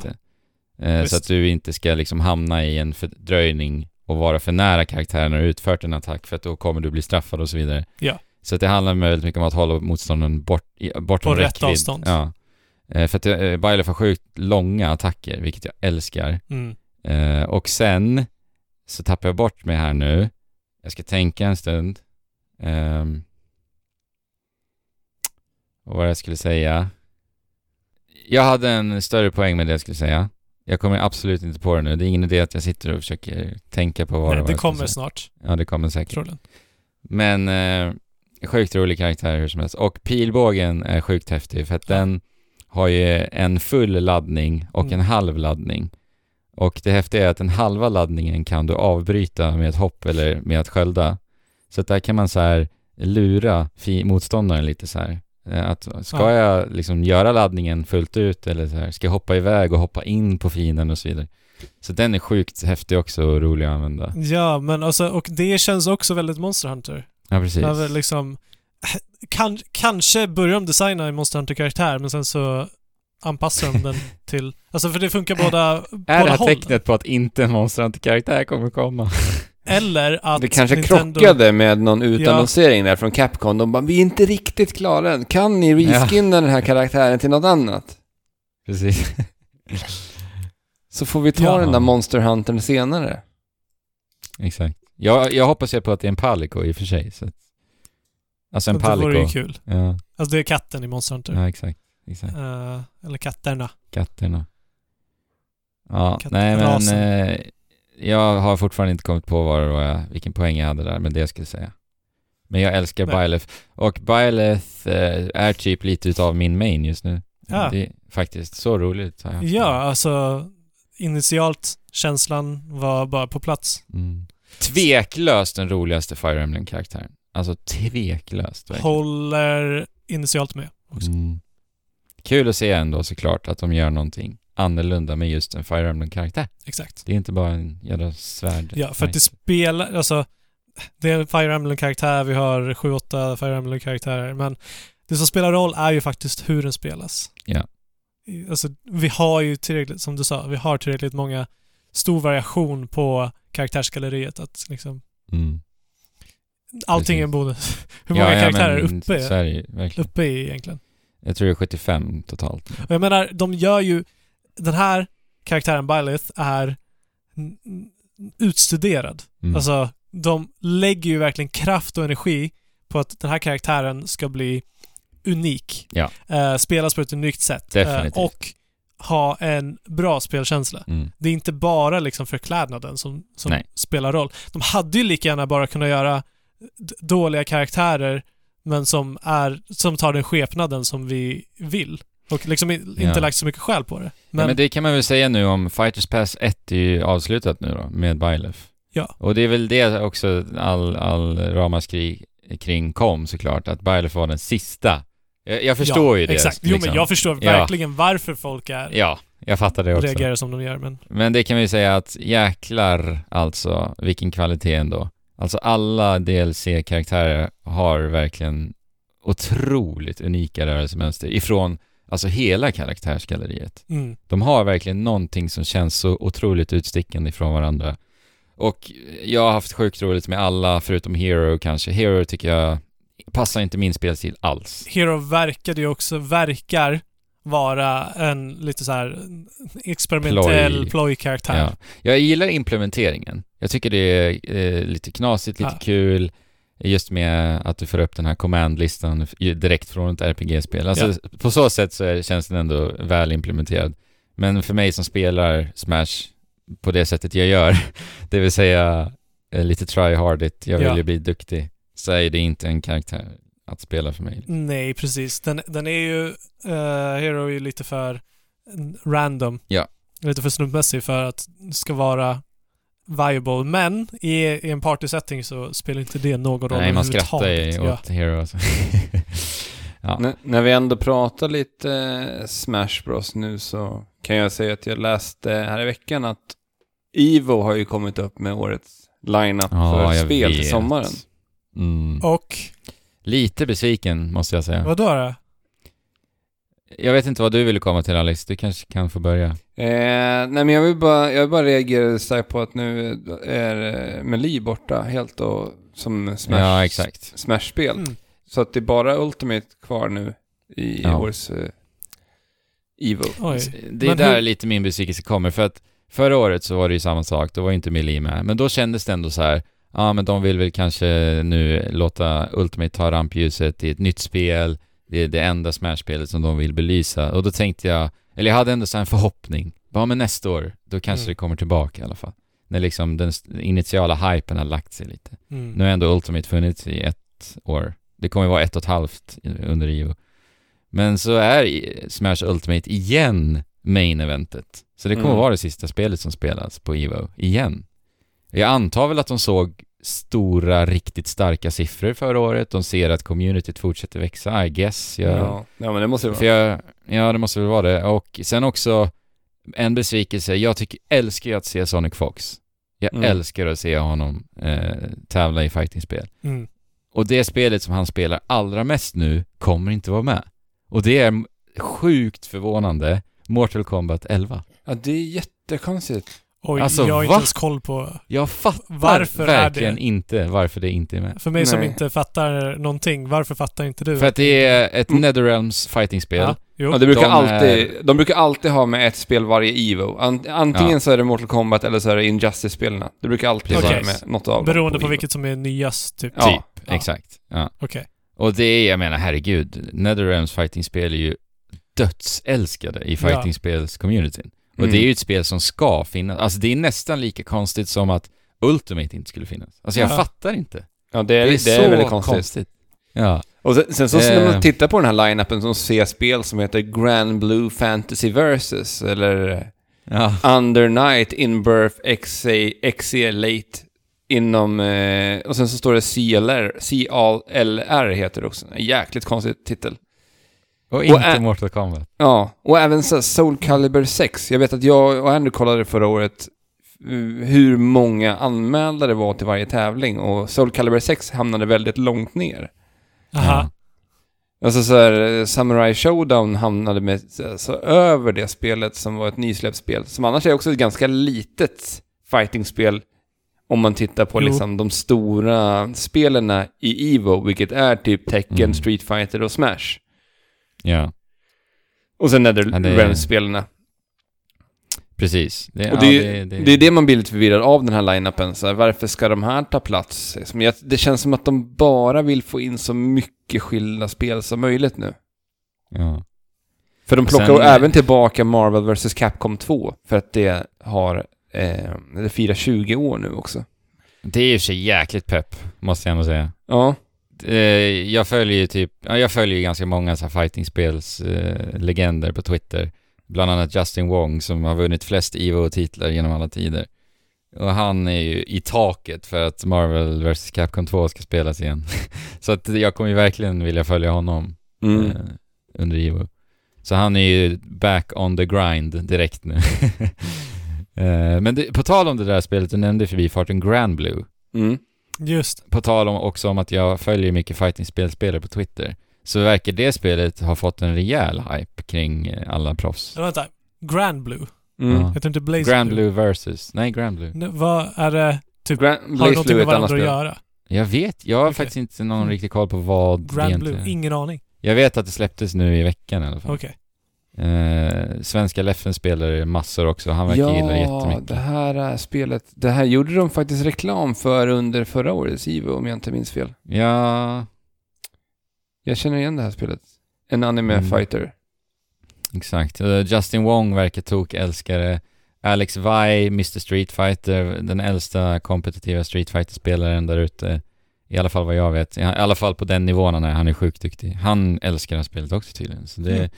Det verkar ju bli lite eh, ekvivalenten till eh, Samurai Showdown från förra året. Det vill Mm. säga där alla liksom proffs bara samlas i ett spel nästan. Ja. Så det kan nog ändå bli kul att se, skulle jag tro. ja, jag tycker det ska bli kul att se Samurai Showdown igen också. Eh, Mm. Vi, vi satt Ja, och definitivt. kollade hela slutkampen förra året. Det var ett jäkligt roligt och intressant fightingspel följa. Ja. Ja. Vi i Trekraften tycker om Fett. fightingspel. Mm. Ja, jag det har gör vi inte verkligen. berättat att vi skulle snacka fighting så här mycket. Jag Ja. älskar fightingspel. Ivo är När väl är i... Ivo då? Ja, när är det? Det är, ju, är det juni eller är det juli? Jag glömmer Jag har för mig att det var bort lite annorlunda datum i år. om jag inte 31 minns- juli till 2 augusti. Ja, för det brukar Mm. vara i augusti. Start. Tidigare. Ja men nice. Ja, det är nice. Det, sen är det ju det där problematiska dock. Att det alltid är mitt i natten. Mm. Det är så jobbigt. Var spelas det? Är det i Los Angeles? Typ, Ja, eller? typ. Jag vet Nej, inte. Las Vegas. Mandalay Mandalay Ja, men Bay. det är västkusten Mandalay där. Bay. Ja. Så långt ifrån det kan vara. ja. Ja, men det är verkligen så här. Det du vill se spelas alltid nästan typ fyra på natten. Ja, um, GameStone Quick här, de har ändrat till Florida och det är lite, det är några timmar skillnad. Ja, okej. Eh, men nu var ju jag i Sao Paulo, Nice. vilket är exakt samma. Just det. Eh, så jag vet inte hur det var här. Men Ja. internationella saker kanske borde tänka på att uh, tillgodose Europas tidszon lite mer. Det är skit ja, men det, de skiter i det. det är sorgligt.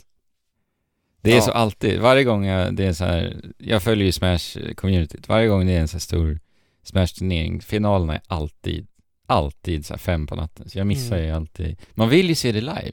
Alltså, ja, det är ju inte alls samma sak att Nej. inte se det live. Och man vill, man vill bara mysa upp sig i soffan och, och Men- ha lite snacks, ha Ja. lite eh, morötter och dipp liksom. Men Li brukar jag alltid kunna se dock. För att de spelas alltid innan Ultimates Top 8. Så jag brukar alltid kunna se Meli, för det Mm. brukar spelas här runt eh, 11-12. Så det kan man ju se. Men jag tycker Ja. det finns så mycket, mycket olika anledningar idag varför man vill se liksom, sport live. Eh, Och det är ju det här, speciellt om man tittar på e-sport, för att många av alla e-sportare lever ju väldigt mycket på typ Twitter-konton. Mm. Jo. Och när du har sett liksom en fight så vill du ju så här, gärna gå ut på twi- deras Twitter Ja. och se vad kommer de po- posta nu liksom och följa Verkligen. tråden där. För det minns jag när jag och Andrew satt och kollade Evo förra året när Sonic Fox spelade final i, eh, i Dragon Ball Fighters. Mhm. och han eh, förlorade finalen. Så gick vi ut och läste om... Han, han gick ju ut med Twitterinlägg och typ hyllade sin motståndare som hade tagit honom i finalen. Mm. Mm. och länkade till en video de hade gjort tillsammans. För de hade, de hade gjort en liten video som summerat deras historia. Och det ger så mycket mervärde så här, i stunden när man är Jo. så här hypad liksom. Ja, men För precis. att det där försvinner ju Alltså- när jag sitter och tittar på det i efterhand. Hela den grejen. För då får, jag, Mm. då får man bara snappa upp allting som har skrivit. Ja, och när det är live så kan vad som helst hända. När det Ja, inte är precis. live, då har det redan- hänt liksom. Och det är, Mm. Ja, men man har den där underliggande känslan av att det finns ett definitivt Ja, eh, precis. slut här. Och om jag vill så kan jag bara spola till det. Ja. Ja. sätt. Liksom. Ja. Det är redan avgjort. Ja. Ja. ja, nej, Ja, ja. jag ser att tiden rinner iväg här. Jag eh, har ett spel till att prata om bara.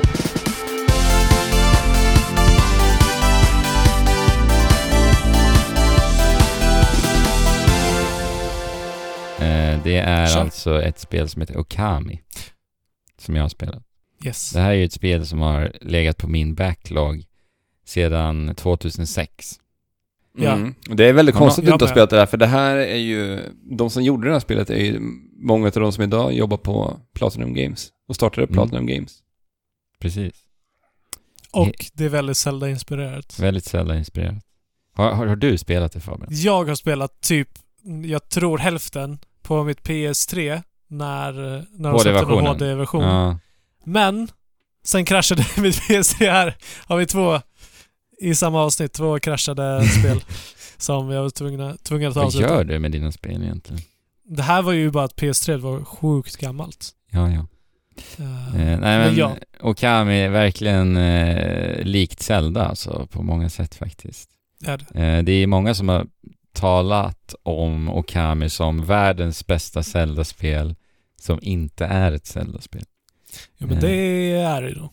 Och det är väl typ Darksiders jag kan komma på så här på rak arm som är också väldigt mycket utav ett Zelda-spel. Jag har inte spelat det dock, men det är det man har hört mycket i alla Mm. fall. Jo, jo. Eh, en liten kul så här kuriosa om, om Okami som jag kom över igår är att det har två rekord i Guinness... Guinness Två stycken? Ja, Guinness World Record. Guinness World Record-boken. Det ena är att det är det bästa spelet med en, eh, en ett djur, ett animaliskt eh, karaktär. Okej. Ja. Och det andra är ett spel som har fått, eh, blivit belönat årets spel som har eh, sålt allra sämst. Ja. Oj. Det är så här, vilket, vilket rekord att ha i sitt bagage. Jo. Alltså jag kommer ihåg när det här släpptes så var jag en liten knodd. Ja. Ehm, och så var det någon äldre kille som var cool. Okej. eh, som, precis, som köpte det på releasen. Eh, och jag vet inte allting runt omkring. Men den här äldre coola killen hade blivit så arg på det här spelet för han tyckte det var så dåligt att han hade brutit skivan i tu och slängt den ut genom fönstret. Vad i? Eh, så att jag tänkte oj, det måste vara jättedåligt även fast det ser ut att vara jättebra. Jaha. Är det så dåligt att du vill bryta sönder? Bryta sönder switch-kassetten? Nej! Nej. Då kanske jag får bryta sönder switchen för att jag har det digitalt på min switch. Jag spelar Aj, på aj, switch. aj. Då får vi hoppas att det inte är så dåligt. Ja. Eh, spelat det på switch.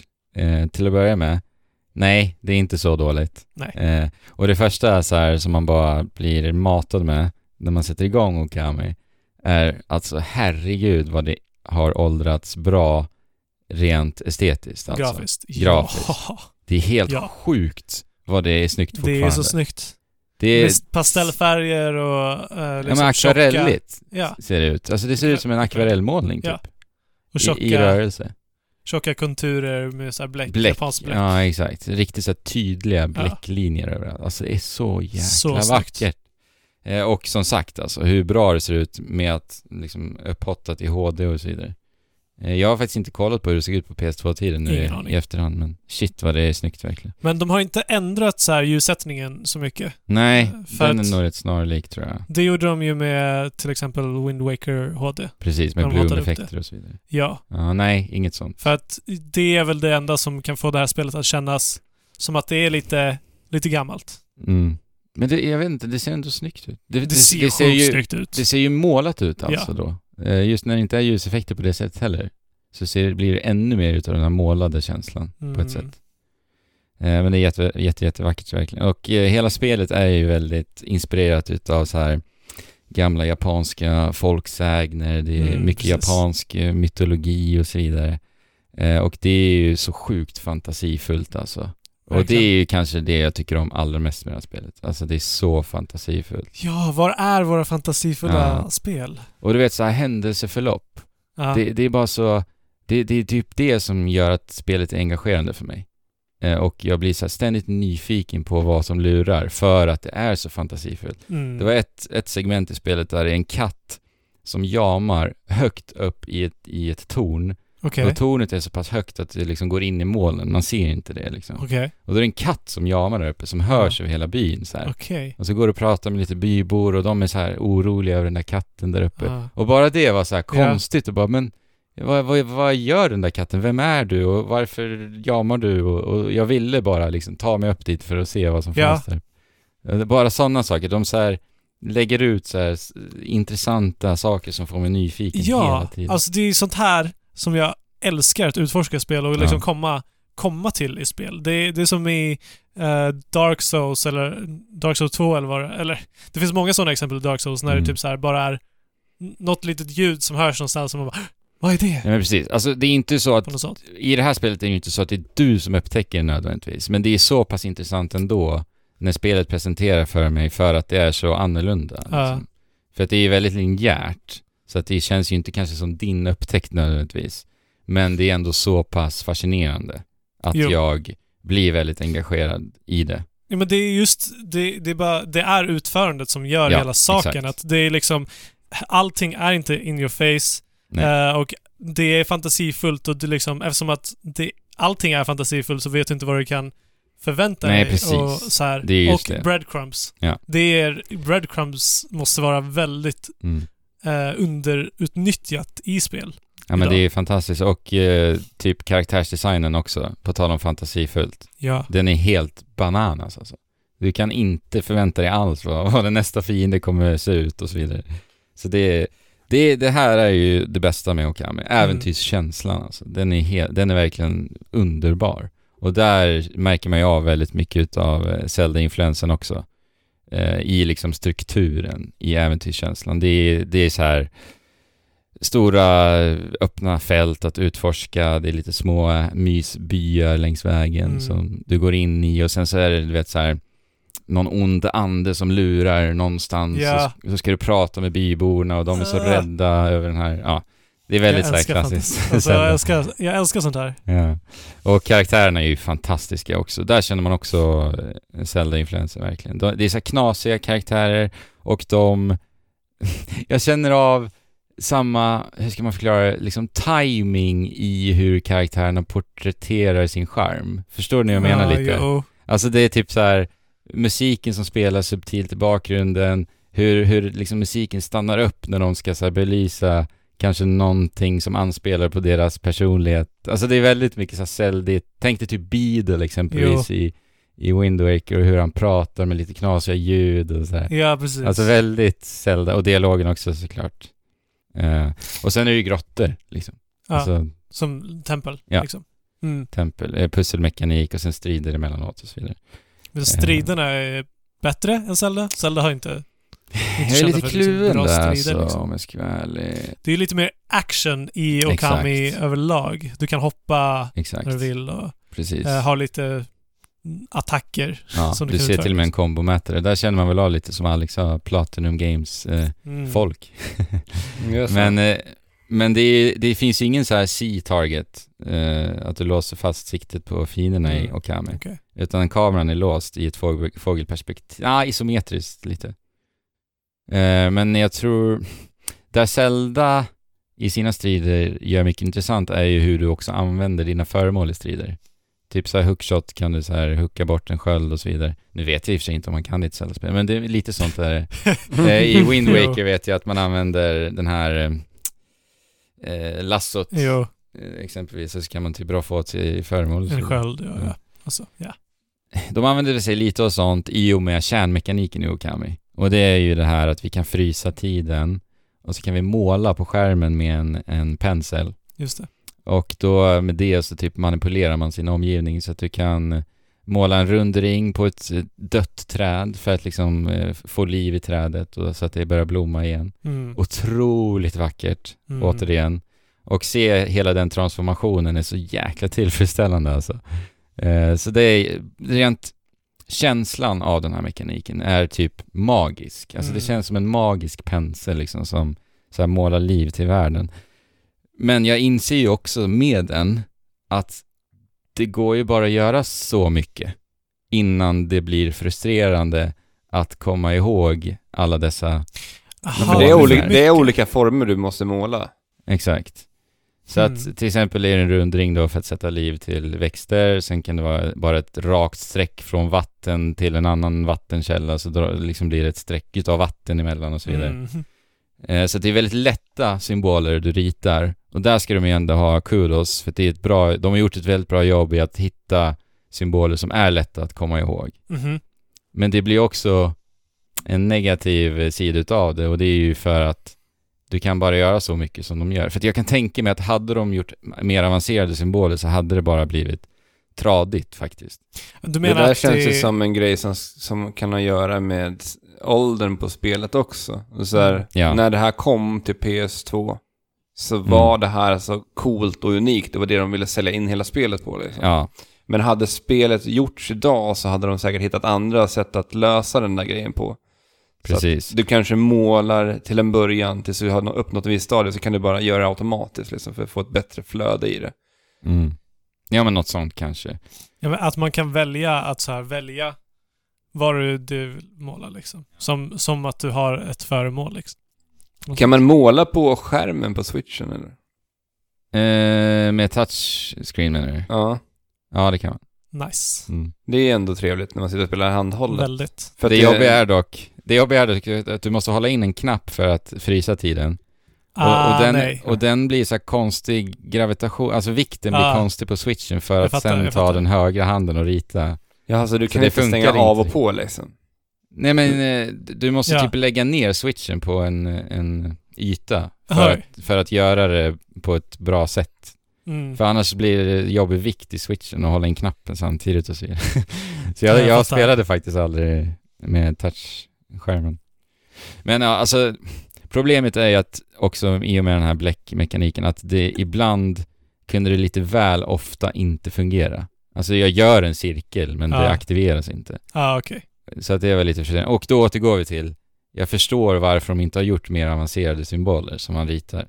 Dels Ja. på grund av det och att så här, komma ihåg alla. Men tekniken också. Och tekniken. Alltså, om det hade gjor- gjorts idag så hade det ju troligen varit inte varit så svårt Nej. för dem att liksom implementera Nej, ett system som fattar vad du målar. Ja. Det finns ingen så här eh, handbok du kan konsultera. Jo, det finns i menyn. Men då ska du gå in i meny också, bläddra dit och så vidare. Okej, de borde ha, när du bara eh, stannar tiden sådär, kunna trycka på en knapp för att kunna få upp alla på ett enkelt Alltså sätt. som sagt, det behövs inte nu. Nej. För att jag Okej. kommer ihåg allt. Okej, okej, Ja. okej. Jag kan se ett potentiellt problem i om de skulle Ja, ja, införa okej. mer avancerade symboler. Okej, du Ja. bara Ja, nu jag bara. Projicerar. Ja. potentiella problem med spelet. ja, men jag tycker det är en intressant mekanik liksom. Och jag, jag tycker att de ändå har gjort, eh, landat i en bra modell som det är. Ja. Men eh, bristen med det är ju att det, det blir ju bara så mycket. För det märker Ja, man ja, i, i Du pussel... vill ha mer, Ja, men precis. det kanske inte funkar att Nej. ta med mer. Och det här fattar jag har varit en balans i utvecklingen. Mm. Det märks tydligt också.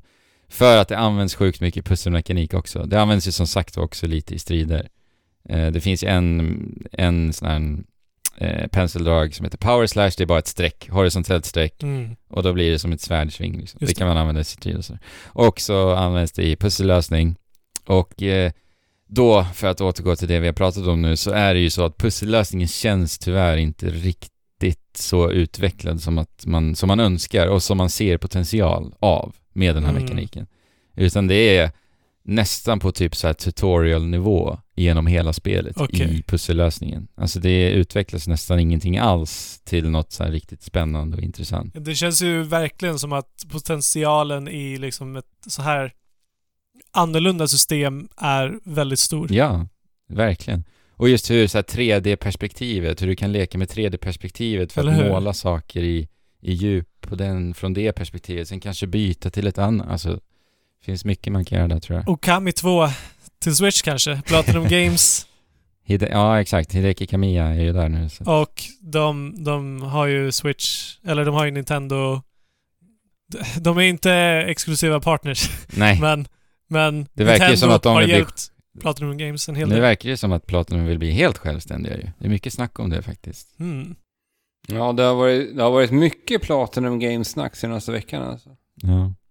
Tencent är inne och pillar med lite pengar och så vidare också. Ja, är det Tencent som är här inne nu också? Alltså. Alltså Tencent. Mm. Men för jag, jag såg deras Kickstarter för Wonderful 101 och sen att de vill Ja, ha exakt. tillbaka IP nu för Scalebound Ja, och, just det ja. Exakt. Mer Platinum Games, tack. Ja, Ja, tack. tackar vi för. Och och mer... Platinum Games, kan, Games kanske inte blir så japanskt så länge till. Det kanske blir helt kinesiskt i framtiden. Ja, exakt.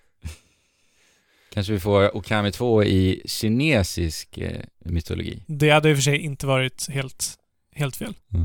Mm. Eh, men ja, alltså grottorna i Okami, de når ju aldrig Zelda-klass. Nej. Det finns inget. Ancient System från Skyward Sword här. Det finns inget Water Temple från Ocarina of Time. Liksom. Det är inte alls på samma nivå. Och faktiskt, Mm. bara titta på nycklarna, hur de använder nycklarna i templen, grottorna i Okami. Så när du plockar upp en nyckel så gör det med Amaterasus mun, Det är alltså hunden som man spelar. hunden som man spelar. Fantastiskt Eller vacker. vargen. Varg är det precis. Solgud också. Eh, så plockar hon upp det med sin mun. Så att inget, du har inget inventory för Okej. nyckeln. Och vad, vad betyder det? Jo, Att att du måste gå till en- nyckeln och öppna den. Ja. Så att det är liksom otroligt linjärt i, i tempel och grottor. Så om Game Makers 2 Kids skulle göra en av sina grafer här så skulle det bara vara en rät linje. Ja, rät linje bara. Tjoff, rakt av. Så det är väl därför han inte har gjort det, antar jag. Mm. Eh, ja, så att, nej, inte alls på Zelda-nivå när det kommer till, till grottorna. Men som sagt, det är händelseförloppen, det är fantasin, det är Ja. äventyret. Det är därför jag ändå fortsätter med Okami. Ja, För men det, låter ju som att det finns väldigt många anledningar till ja. att tycka om det här spelet. Även, det om, tycker jag. även om liksom allting inte är världsklass. Eh, Striderna blir också så här lite autopilotiga. Alltså det är bara peppra på en knapp och sen är det klart. Mm. Eh, överlag så är det lite så brist på utmaning liksom. I både pussel och strider och Okej. alltihop. Kan vara ganska skönt ibland också. Ja, och speciellt när man blir presenterad med en så härlig eh, fantasifull berättelse faktiskt. Ja. Exakt. För, för om, om den är tillräckligt intressant så kan det ändå hålla ändå. Ja.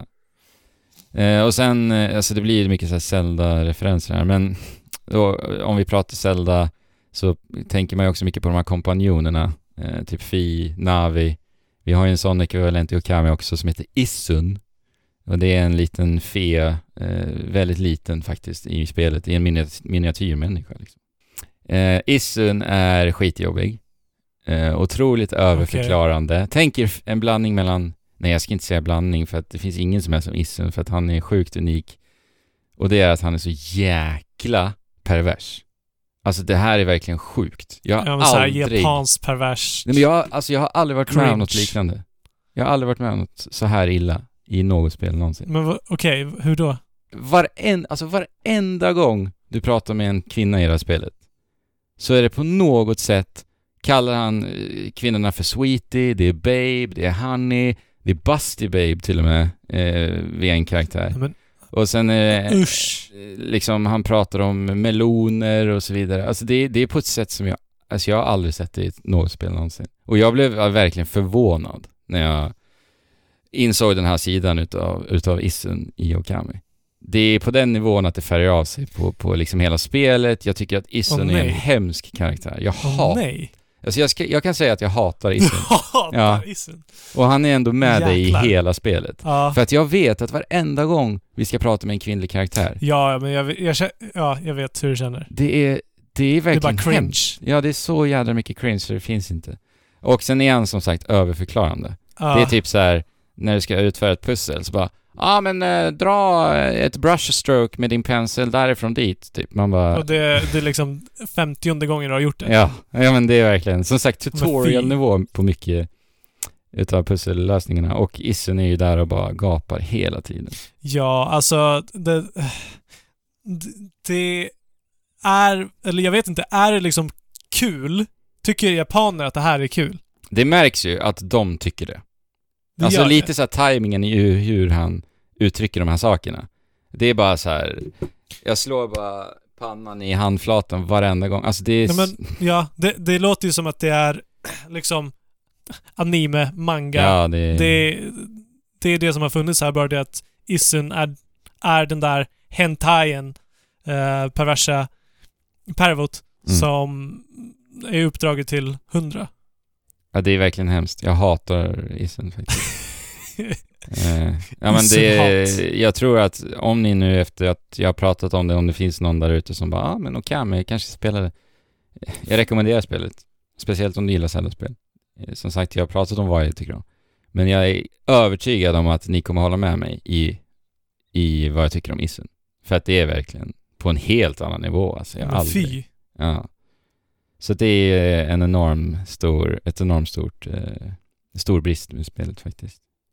Eh, och det är mycket dialo- dialog också i spelet så att man får lida igenom det. Ehm, Ja, ja. men det är väl typ Okami tror jag. Jag tror jag fick med det mesta där. Mm. Musiken är otroligt bra också.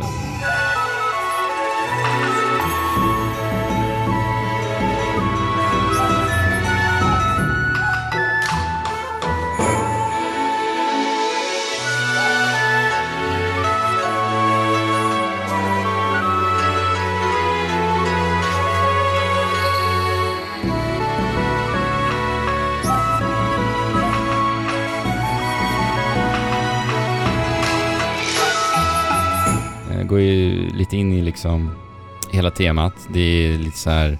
Man märker att de har använt sig utav lite äldre instrument. För det är mycket Okej, instrument ja. som man inte riktigt eh, hör ofta. Den här, vad, vad kallar man den som... som Ja, den japanska. Den japanska Ja, vad som, heter som den? blinkar. Man spelar blinky, typ blinky. på en gitarr som ligger ner. Ja. Ja, jag kommer inte ihåg vad den heter. Oj. Ja, just det. Ja, men den finns överallt i spelet, exempelvis. Och det är lite så folkmusikigt. Nice. Det är episkt också såklart många gånger. Eh, och just så här, det är ett PS2-spel. Så är ljudkvaliteten också inte jättebra. Okej. Men jag tycker typ att det nästan bidrar. Att Faktiskt. det gör att det känns mer gammalt. Ja men det känns nästan lite så här världsfrämmande. Ah, I kombination med liksom akvarellmålningsgrafiska stil. Jag vet inte. Mm. Jag tycker ändå det var lite mysigt alltså. Det knastrar lite och... Ja, jo. Ja. Eh, och sen Nice. bara en sista sak, HD Rumble. De Vadå har? HD Rumble i det här spelet. Men okej, hur nyttjas detta då? Till exempel, varenda steg eh, som A- A- Ami kallas ju Amaterasu i spelet, Ami. Varenda steg hon tar mot en mark, när foten liksom nuddar eh, ett material, Aha. så får det en liten dutt. Är det sant? Ja. Varenda, så alla fyra har en separat. Är inte det jättejobbigt? Nej. Det känns bara mysigt. Det är bara en liten, Bidrar liten dutt så. Är det sant? Ja. Jag måste nästan få känna på det. Jag tyckte det, jag, jag gillar ju HD Rumble. Det är så här, jag tycker ändå, varför inte? Ändå kul att se att de så här, att de tog den tiden att implementera det liksom. Eller hur? Då måste jag... Ja. Ja, Okej, jag hade bara tänkt säga att eh, nu när du snackar om att hålla switchen i en hand, att en väldigt nice grej med Pokémon Sword and Shield är att du kan spela med vilken hand du vill och det räcker med att du bara spelar med en hand för att eh, du kan använda axelknapparna för att trycka på eh, acceptera eller prata och så här. ja. Eh, det, är, det är faktiskt väldigt uppskattat. För att det är väldigt lätt att lösspela Pokémon liksom. Mm. Faktiskt ett bra så här, commute-spel. Sitta på tåg och buss Ja. och så. Ja, Exakt. faktiskt. Jag ramlade över någonting ja, för eh, två veckor sedan som jag tyckte som jag tyckte såg väldigt häftigt ut och intressant. Eh, och jag har följt det här ett tag nu och det är ju det här spelet Dreams som släpps Ah, ja. Ja. nu nästa vecka. Media Molecule. Och Ja. eh, under min förra praktikplats så satt vi alltid och delade massa här Dreams-projekt med varandra bara för att kolla så här, men shit, hur fan kan folk sitta och göra liksom den här typen av, av spel i ett, en motor som, som eh, körs på en PS4 Playstation 4 liksom. liksom. Ja. Ja. Och eh, ja, för typ två veckor sedan så såg jag då en, en video på YouTube som i dagsläget har 3,2 miljoner visningar. Hur många? 3,2 3,2. miljoner visningar. Och det är alltså Okej. en snubbe som har gjort ett avatarspel. Alltså Avatar The Last Airbender i Dreams. Jaha. Och det För ser... övrigt en av de bästa animes, eller inte, det är inte animes, men uh, tecknade serier som finns. Och det här har blivit hur stort som helst. Hans projekt. Och det liksom börjar, han har, han har fått erbjudanden om att finansiera hela projektet. Men grejen är, han gör det här i Dreams, så det kommer ju vara i Dreams. Mm. My God. Det, det, det är galet vad stort det har blivit. Jag tycker alla ska kolla in den här, uh, trail, det här klippet på det här spelet. För att det som också är så sjukt med Dreams, det är att det släpps nästa vecka. Ja. Men, Alltså, men, men, men Sony liksom, har inte gjort någonting för att trycka på det här överhuvudtaget. Nej. Och Dreams Det är är, för er som inte vet, det är alltså Media, Media Molecule som ligger bakom det, alltså teamet som gjorde Little Big Planet. Och det var ju egentligen det här de började nosa på redan då. Alltså att göra ett spel där du kan göra spel i spelet. Men Ja. Dreams är taget till nästa nivå, så du kan göra... Det är en Allt. spelmotor på kon- Ja. konsol. Precis. Ja. Men att Ja, den här alltså, det- det är videon har gett mer reklam för spelet än vad Sony själva har gjort för det här spelet. Det är, det är helt galet alltså. Ja, eller hur? Men det är väl å andra sidan lite den typen av spel. Alltså så här, eh, word, word of, vad heter det? Word of mouth. Mm, jo. Jo, men Jo, frågan men- är, med Sonys liksom eh, finansiella muskler Jo. så hade det här kunnat Jo. pushas ännu mera och nå ut till Ja. ännu flera som inte sitter och tittar på Ja. den här typen av videos. Nej, jag håller med. Det, det är konstigt. Det släpps ju liksom nästa vecka. Det- Ja. Det, det finns ju ingen, ingen pratar om det Nej, hos Sony. precis. Och Nej. alltså jag gissar att det kan vara ganska svårt, som att det, är väl, det finns inget distinkt som är Dreams, eftersom att du kan göra, det verkar som att du kan göra exakt vad som helst. Du kan göra allting från, från liksom eh, ett F-Zero osande spel till, till en, eh, en Matlagningssimulator. Precis, när, när, du, när du går på realistisk bacon liksom. Ja. Ja, det, ja, men de, det men det finns ju, de har ju, de har ju folk som sitter och professionellt jobbar med marknadsföring. Det är deras jobb att lösa det. Ja. Du menar eh, Sony. Sony ja. Ja. exakt. Men, det, Men- det, jag tycker det är bara så synd om det här spelet går förbi allas blickar det här året. För att Dreams är ett spel som ska lyftas upp det här året. För att allt Ja. jag, det man har sett, det jag har sett av Dreams är helt otroliga skapelser alltså. Exakt. Jag fattar inte hur de kan ha gjort det här på en konsol. Nej, jag fattar inte heller hur det, hur det går till. Nej. Alltså hur mycket jobb måste du lägga, lägga bakom ett så här, eh, ett sånt här projekt? Alltså jag hoppas vi får tillgång till det här. Jag är så sjukt nyfiken på att bara pilla i det. Ja. Och se hur allting funkar. Precis. Och om du köper Dreams, det betyder ju att du får liksom en uppsättning med Du får ju det här avatarspelet. många olika spel som helst. Ja. Ja. Och Eh. Media Molecule faktiskt, är ju, de brukar också göra väldigt fina berättelser. Alltså Mm. man får ju ett spel som de har utvecklat Precis. i Dreams också. Så det är ändå så här. Och alla andra skapelser. Jag Ja, menar, exakt. det, det är en rätt bra deal. Ja. Herregud. Med tanke Mm. på vad vi ser. Jag, jag var skeptisk till det här projektet, men när man ser de här skapelserna, jag ska kolla på Avatar också, Mm. men att man kan göra vad som helst. Ja. Fattar Mm. inte. Ja, det är galet. ja, det är häftigt. Eh, jag läste också... och det kommer ju komma till PC också ju. Ja, Just det, ja. jag läste bara en tweet om det, att de teasade det, men det är klart nu alltså. Ja, det ska komma. Men det För är, det är ju PS4 nu i alla fall. Ja, för att alltså, det här är ju det jag hade hoppats på. För att Mm. det här blir ju ett enklare steg att ta till spelutveckling än vad, vad steget, steget till Unity eller Unreal blir. Exakt. För att Ja. den tröskeln är rätt maffig att ta sig ja, om du över inte i kan början. programmering så blir det rätt... Ja, då tröttnar du Rätt ganska snabbt. Alltså det är så här, du kommer sätta dig och du kanske gör ett litet spel där du får en gubbe gå till höger och vänster, men sen steget efter det då? Det, det blir Ja, tungt. precis. Ja. Så, Ja, det är väldigt, coolt. väldigt intressant. Mycket coolt. ja. Ja. ja, det var egentligen det Mm. jag ville säga. Ja, men schysst. Att, bra att du tog upp det. Så att nu, Mm. nu känner jag mig klar för den här veckan i alla fall. Ja, jag tänkte bara säga att jag förstår att många eh, av lyssnarna är besvikna eftersom att vi uppenbarligen håller på att knyta ihop säcken. Som vi inte ska göra. Men Eh, det har inte, jag har inte berättat någonting om Capoeira Legends den här veckan som Andrew och Jesper sa förra veckan. Eh, Vi säger det varje vecka. Okej. Eh, men jag kan däremot meddela att jag har gjort lite efterforskningar. Har en eh, intervju som kommer upp. Vi får se om de svarar. men, eh, men det är på gång. Det är på Det är gång. mäktigt alltså. Jag ser verkligen fram emot att se vad det blir av det. Jag med. Vadå? K- Har du, ska du intervjua Capoeira Legends-utvecklarna? Yes. Ja, Vadå? det är redan skickat. Men har du pratat med dem? Nej, inte ännu. Okej, spännande. Ja, det blir riktigt spännande. Ja, Ja, ja men det är väl fina ord att avsluta veckans podd med. Exakt. Ja, och teasa alltså, lyssnarna med det här. Exakt. Vad sa vi? Breadcrumbs, eller hur? Breadcrumbs. Ja, så att även om ni är besvikna nu, så liksom, det är på gång. Ja. Det är på gång. Nice. Jag ska bara hitta bostad och, eh, Jobb och... och jobb Ja, och du vet, ja. Mm. först. Lycka till Så med det Fabian. Ja. Så hörs vi. Ja, så hörs vi. vi. Oss kan man nå genom att kika i beskrivningen till avsnittet. För där ser ni då eh, en länk till Discord, Twitter, Instagram och alltihopa.